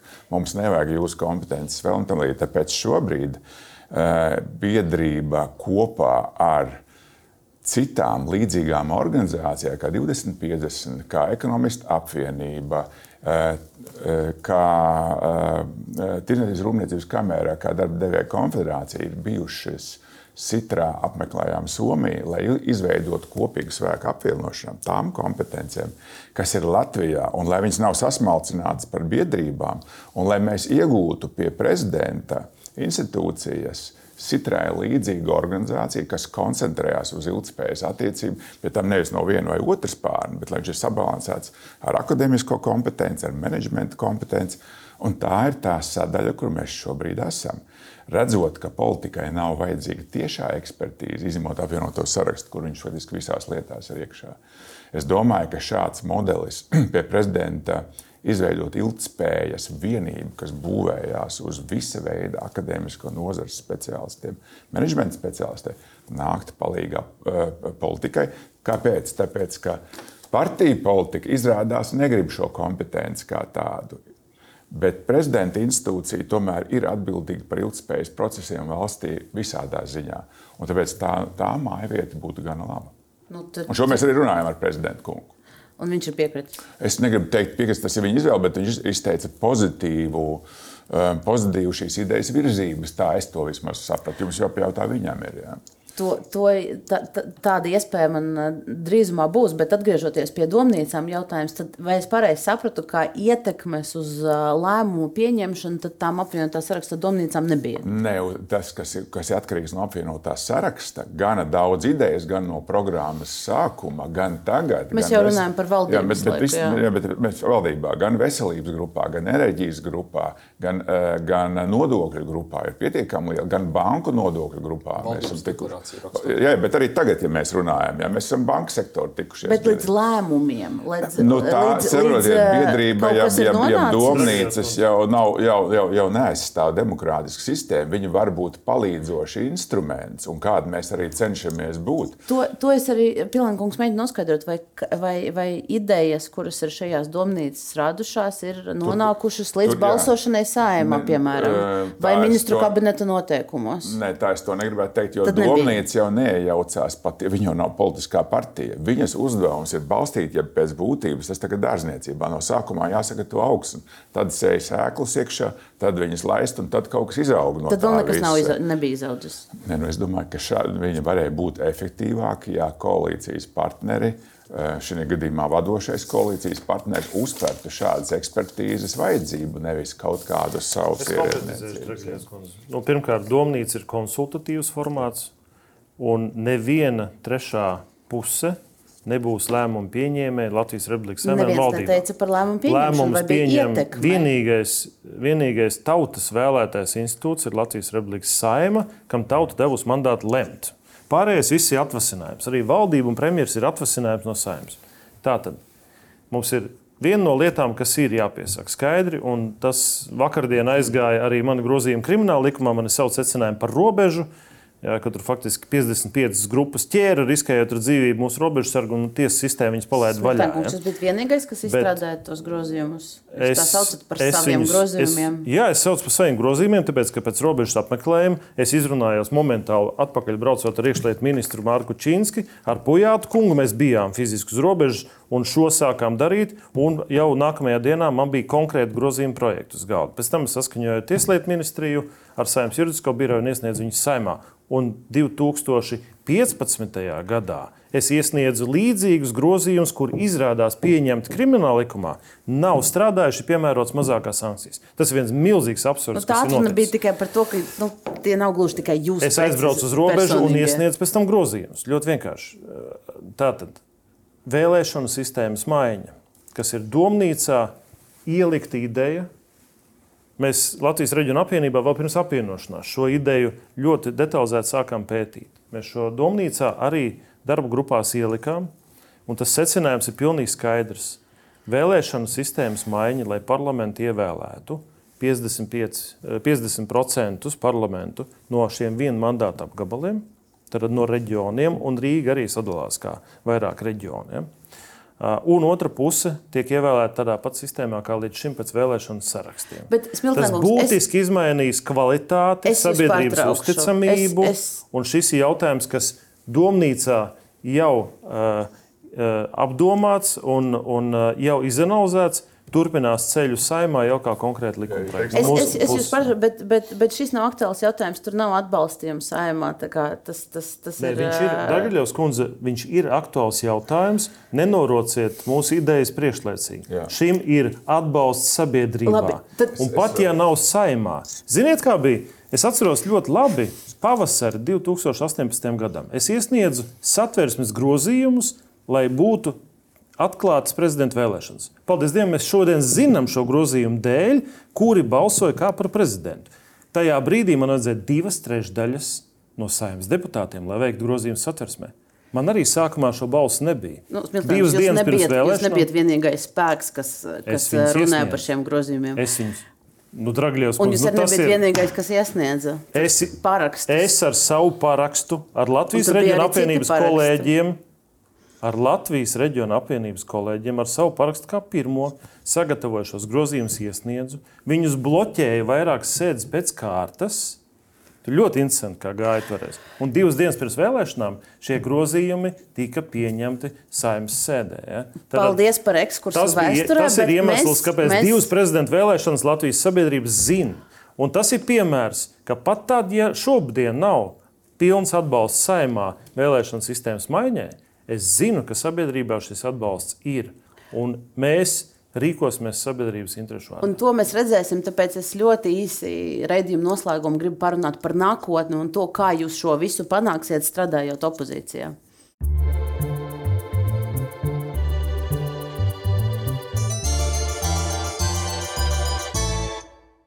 Eh, Pilāna kungs sola pozitīvu teikumu, bet, bet, eh, bet es tik un tā pajautāšu jums par darbu opozīcijā. Jo eh, jūs, jūs Miltāna kungs, vienā no intervijām, ja nemaldos, arī šonadēļ teicāt, ka atrašanās opozīcija būs neilga. Ko tas nozīmē? Tas nozīmē, ka jūs sagaidat, ka kritīs esošā valdība, ka novembrī Šlesers un Roslikovs panāks, panāks saimas atlaišanu, vai, vai kāds, kāda ir tā jūsu redzam, jūsu mērķis? Protams, nu, pirmais eh, scenārijs ir, ka šī valdība būs ļoti noturīga. Kaut ar 52 un vēl piepirktām balsīm, ko viņš šobrīd mēģina intensīvi piepirkt, lai būtu 53, 54 balss, viņi būs ļoti noturīgi viena iemesla pēc, jo nekas nevieno tik ļoti, acīm redzot, kā kopīgs eh, kauns un nērtības sajūta. Okay, nu, bet, nu, noturīgi tad eh, bet mēs izdarīsim citiem, no, citiem, citiem jūs ļaujiet pabeigt teikumu, draugi. Nu, es, jūs, jūs, visu laiku, jūs, jūs pajautājat, komentējat un neļaujat atbildēt. Ja? Tā tad. Viņa varētu būt noturīga šo iemeslu dēļ, bet mēs no savas puses izdarīsim visu, lai atbalstītu valstiski svarīgos jautājumos, bet skaidri parādītu to absurda salikumu gan vērtībās, gan principos, un arī viņu saimnieciskajās interesēs, kas neglābjami novedīs pie šādas valdības sairuma. Šāda neloģiska konstrukcija, kur absolūtā vara un atslēgas ietekme ir Aivaram Lembergam, viņa nav ilgspējīga un tas valstī nav veselīgi. Tad mūsu spēkos ir tas, lai mēs izdarītu visu, lai parādītu šīs koalīcijas absurdu un šo, šīs pretrunas un arī panāktu jaunas valdības izveidi šī sasaukuma laikā. Piekrītat? Jā, var piekrist, bet es gribēju vēlreiz teiksim, par to biedrības vai domnīcas vienā teikumā teiksim, pielikt klāt. Neaizmirstiet, ka mums ir ievēlēti no biedrības trīs deputāti caur apvienoto sarakstu un līgumu. Un automātiski Andra Kulberga izdarītais darbs enerģētikā, kā e, ilgspējas apakškomisijas vadītājs ar vienošanās ar visiem politiskiem spēkiem rāda to jaudu, ko var pienest klāt. Ja klimata ministrija pēc būtības šo enerģētikas stratēģijas pamatu dokumentu ņemtu par pamatu, tas jau būtu kaut kas rājēvkungs ar civilās aizsardzības konceptu iekšlietu ministriju, lai gan tam vajadzēja būt valstiskā līmenī pacelts, jo, kā jūs teicat, karš Ukrainā nav beidzies. Tas ir mums joprojām ir riski un draudi, bet nu, labi, kaut vai labāk iekšlietu ministrija. Um, Aivas Vīgsnes eh, kundze ar, ar nodokļiem maziem uzņēmējiem, kas reāli ir izgājis cauri un tā līdzīgi. Tā kā manā izpratnē vienkārši, ko jūs konkrēti un tam līdzīgi, ja jūs gribat, mēs jums varam iesūstīt sarakstiem. Bet tas ir par to, tagad atgriežoties atpakaļ. Mēs, protams, nezinām, vai es varu piekrist, manā izpratnē nevajadzētu būt pārāk garam. Kāpēc? Tāpēc, ka manā izpratnē starptautiskie partneri gan biznesa vidē, gan politiskās vidē ar lielām bažām skatās uz procesiem Latvijā, jo mēs esam pierobežas valsts, kur otrā pusē robežai ir agresors, ar lielām bažām skatās uz izmaiņām. Tā izskaitā es pieņemsim Ukrainu, kur Smiltēna kungs ir nostiprinājis savas pozīcijas, nevis savas, bet Latvijas pozīcijas kā saimnes priekšsēdētājs. Ar bažām var skatīties uz pēkšņi uh, Lemberga partijas koalīcijas partijas pārstāvju aizvietošanu viņa amatā. Ar bažām mēs varam skatīties uz aizsardzības ministrijas tēmu. Tā kā ir virkne tēmas, kas, kas iedos starptautisku inerci, un viņa nebūs pat labvēlīgākā. Automātiski es pieļauju, ka šāda vērtībās nebūvēta politika, vismaz vēsture to ir parādījusi, nav ilgspējīga. Jūs piekrist jā, kolēģi, jā, ļoti īsi. Kolēģi, kolēģi teiktiem, un ir arī medaļa otra puse. Un tā medaļas otra puse ir tāda, apforās runājot, Lamberta kunga ietekmes un progresīvo vēlme būt valdībā par katru cenu. Es viņu salīdzinu, tā, kad ja vēlni trīs ir sapulcējušies ap ugunskura peklē, viņiem nevajag saules gaismas siltumu. Un es pieļauju līdzīgi arī tas, ko Smutēnkungs minēja, ka ir šīs zemgālu vienošanās bijis, bijušas, kas veido šī 52 kodola bloku. Ir arī otra puse, ka viņi var noturēties teorētiski šādā veidā par katru cenu.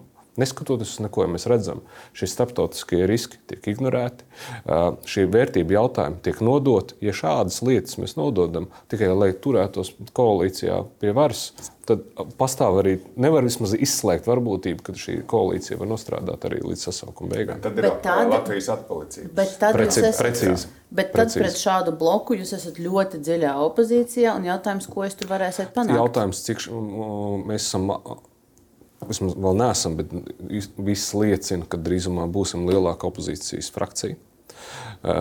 Kopumā opozīcija ir konstitucionālais mazākums, respektīvi, koalīcijai nav konstitucionālā vairākuma. Mēs varam panākt ļoti daudz ko. Un, un, un, sākot no to neiedzīgus likumprojektus bloķēt, Mēs to negribam aizrauties. Mēs neesam gatavi kļūt nekonstruktīvi un uh, bloķēt pilnīgi visu, lai tikai šiem būtu sliktāk. Līdz ar to, jo sliktāk viņiem, jo sliktāk valstī, un mēs varētu sevi izcelt. Mēs pret, es kategoriski kā frakcijas vadītājs iestājos pret tādu nekonstruktīvu darbu, bet profesionālu, lietišķu, konstruktīvu darbu. Atbalstīsim vienotības kolēģis tur, kur mēs redzam, kur ir jēgpilni atbalstīt un koalīciju, un tur, kur ir problēmas, nāksim ar saviem redzējumiem un par šīm problēmām runāsim. Neiesim populismā. Vakardienas balsojums, manuprāt, ļoti lieliski to parādīja. Un tāds ir mūsu mērķis. Mums ir šie instrumenti, kā šeit gan ir jāskatās ne tikai mums, bet visai opozīcijai kopumā. Apvienotais saraksts, Nacionāla apvienība un pārējie kolēģi, ja mēs vienojamies par šo jautājumu, ka mēs varam šos instrumentus izmantot, mēs varam ļoti daudz ko panākt, respektīvi bremzējot neloģiskas lietas. Un tā skaitā nepieciešamības gadījumā arī vienojoties ar kolēģiem no koalīcijas, kad ir jēgpilnas lietas, mēs varam atbalstīt un nākam ar savām idejām, un vienalga, kā šīs idejas tiek realizētas. Bieži vien ir tā, ka labu ideju atnes opozīcija, un viņi iesniedz viņu principā pēc noroka. Mums nav svarīga šī medaļa, ka mēs to panākuši. Mums ir svarīgi apvienotiem sarakstam, ir tas, ka tas vispār tiek valstī panākts. Kaut vai iespēlēt šo ideju pašai koalīcijai, lai viņi virza kā savu, ja nav, bet lai ir šis kvalitatīvais rezultāts galu galā. Bet jūs iepriekšējo sasaukumu pavadījāt opozīciju. Jā. Jūs varat nosaukt piemērus, kur jūs vai nu bloķējat liedzīgas idejas, protams. vai nu, vai nu iespēlējat protams. savu ideju caur koalīciju. Protams, gan satversmes tiesas jautājums par pedagoģu atalgojumu. Mēs zinām šo rezultātu, varētu pajautāt rezultātu Latvijas izglītības zinātnes darbinieku arotbiedrībai par šo rezultātu. Jo pedagoģi jūt savos maciņos, gan nav liels šis, un nav tik vērā ņemams, kā bija plānots, bet ir ostu reforma jautājums tā skaitā. Mēs redzējām šo vēlmi, un šī vēlme nekur nav zudusi. Šī vēlme privatizēt strateģiskās ostas, atvainojos, koteļu biržā, tāds moderns saucās. Kādreiz kuģniecība arī koteļu biržā, bet realitātē tā bija privatizācija. Nekur jau šī vēlme nav, nav zudusi. Brīdī, kamēr dzelzceļa kravas visa ģeopolitiskā situācija ir ļoti būtiski izmainījusies, kamēr šī aktīva vērtība uh, ir zemākajā punktā palaist viņu biržā. Nu, es teiktu, tā, tā var būt uh, privatizācija par kapekām. Uh, mēs, protams, šo izmantojam, vēl atrod, atrodoties vēl. Jau 13. saimā bija vairāki jautājumi, ko opozīcija tādajādi varēja nu, kaut nedaudz vērst par labu, vai vismaz uh, tik strauji neiet uz priekšu, pie kā gan esošie, pie varas esošie vienmēr aizdomājās un saprot, nu, varbūt neejam šo ceļu. Mums nav konstitucionālais vairākums parlamentā, 52, iespējams, 53 balsis, ja viņi vēl kādu nenodraftē uz kādu īpašu neredzamu līgumu pamatu. Tad opozīcijai ir pietiekoši spēcīgi instrumenti, lai vismaz ierobežotu tādu absolūtu patvaļu. Nu, tad mēs, mēs redzēsim, tiešām, kā tas notiks. Nākamajā nedēļā jau, jau šīs balsojums par jaunu, jaunu valdību visticamāk mūs gaida. Trīs ļoti īsi jautājumi, un tad, un tad mēs noslēgsim šo raidījumu. Uh, viens jautājums, vai, vai apvienotās saraksts atbalstīs šo Šlesera Roslikova referendumu par saimas atlēšanu? Nē. Neatbalstīs. No šodien zināmiem dotajiem lielumiem tam neredzam pamatu. Tikai tāpēc, ka mēs esam nonākuši opozīcijā, tāpēc viss nav obligāti jāsagāž. Vai jums tāds blitz ļoti īsi, vai jums ir jau plāns, ar ko es kopā varētu startēt Eiropas parlamenta vēlēšanās? Ir, ir jau jākaļ plāni drīz jau. Kopā?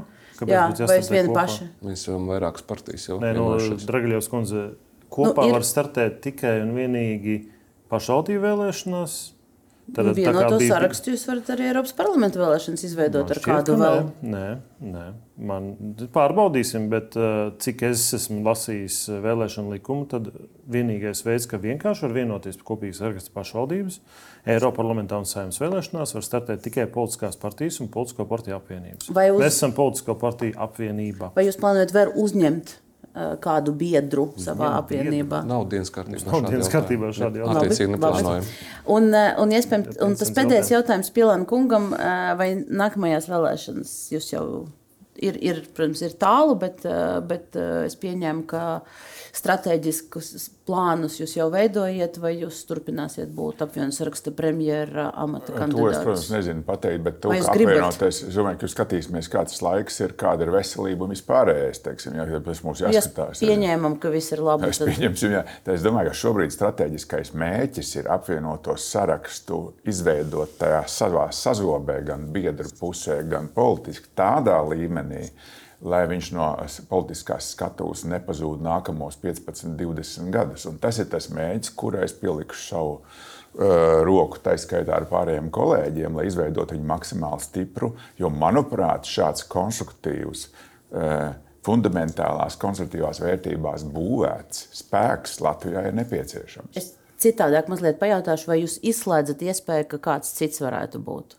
Es domāju, ka, kad skatāmies, kā attīstīsies apvienotais saraksts, es vienkārši esmu pārsteigts par to jautājumu. Manā izpratnē apvienotajā sarakstā nāk jaunā paudze iekšā gan caur partijām, gan mēs skatāmies, jo gribēšana ir biedrības modeli padarīt ar kaut ko tādu vēl jaudīgāku no cilvēkiem, kas labprāt to gribētu stāties iekšā. Mēs patreiz pauzējam, tā kā šobrīd parlament, tas Eiro, Eiro parlamenta vēlēšanas ir mūsu pirmā lielā prioritāte.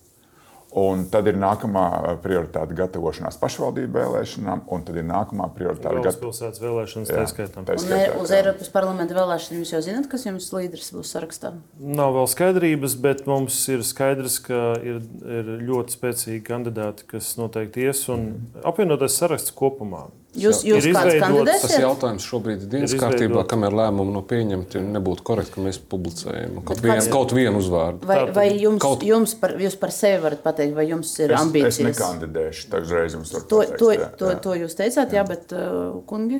Viņiem ir jādomā. Es šobrīd, es šobrīd pildu saimnes priekšsēdētāju pienākumus vēl vismaz pusotru nedēļu. Man uh, vispār nav skaidrības par, par, par tālākajiem darbiem. Tātad šeit ir pietiekami daudz vēl, vēl darba jāizdara vēl pusotras nedēļas laikā. Bet es jums vienu varu tikai solīt, ka šobrīd premjerministra amata kandidāts oficiāli apstiprināts apvienotā sarakstu valdē ir Ulrichs Pīlēns. Ja būs izmaiņas, tad tas būs valdes lēmums, un par to jūs tiksiet informēti. Paldies, paldies par, eh, par, par eh, atbildēm uz tiem jautājumiem, uz kuriem atbildējāt, un, un, eh, un par diskusijām. Šis bija raidījums, kāpēc, mēs ar skatītājiem tiekamies pēc nedēļas. Neaizmirstiet, ka podkastos, Spotify un Apple platformās arī esam klausāmi. Tur visu raidījumu var, var noklausīties no sākuma līdz beigām, arī pātrinājumu, jo nu, ēters ir bijis diezgan garš šodien. Paldies visiem un tiekamies pēc nedēļas!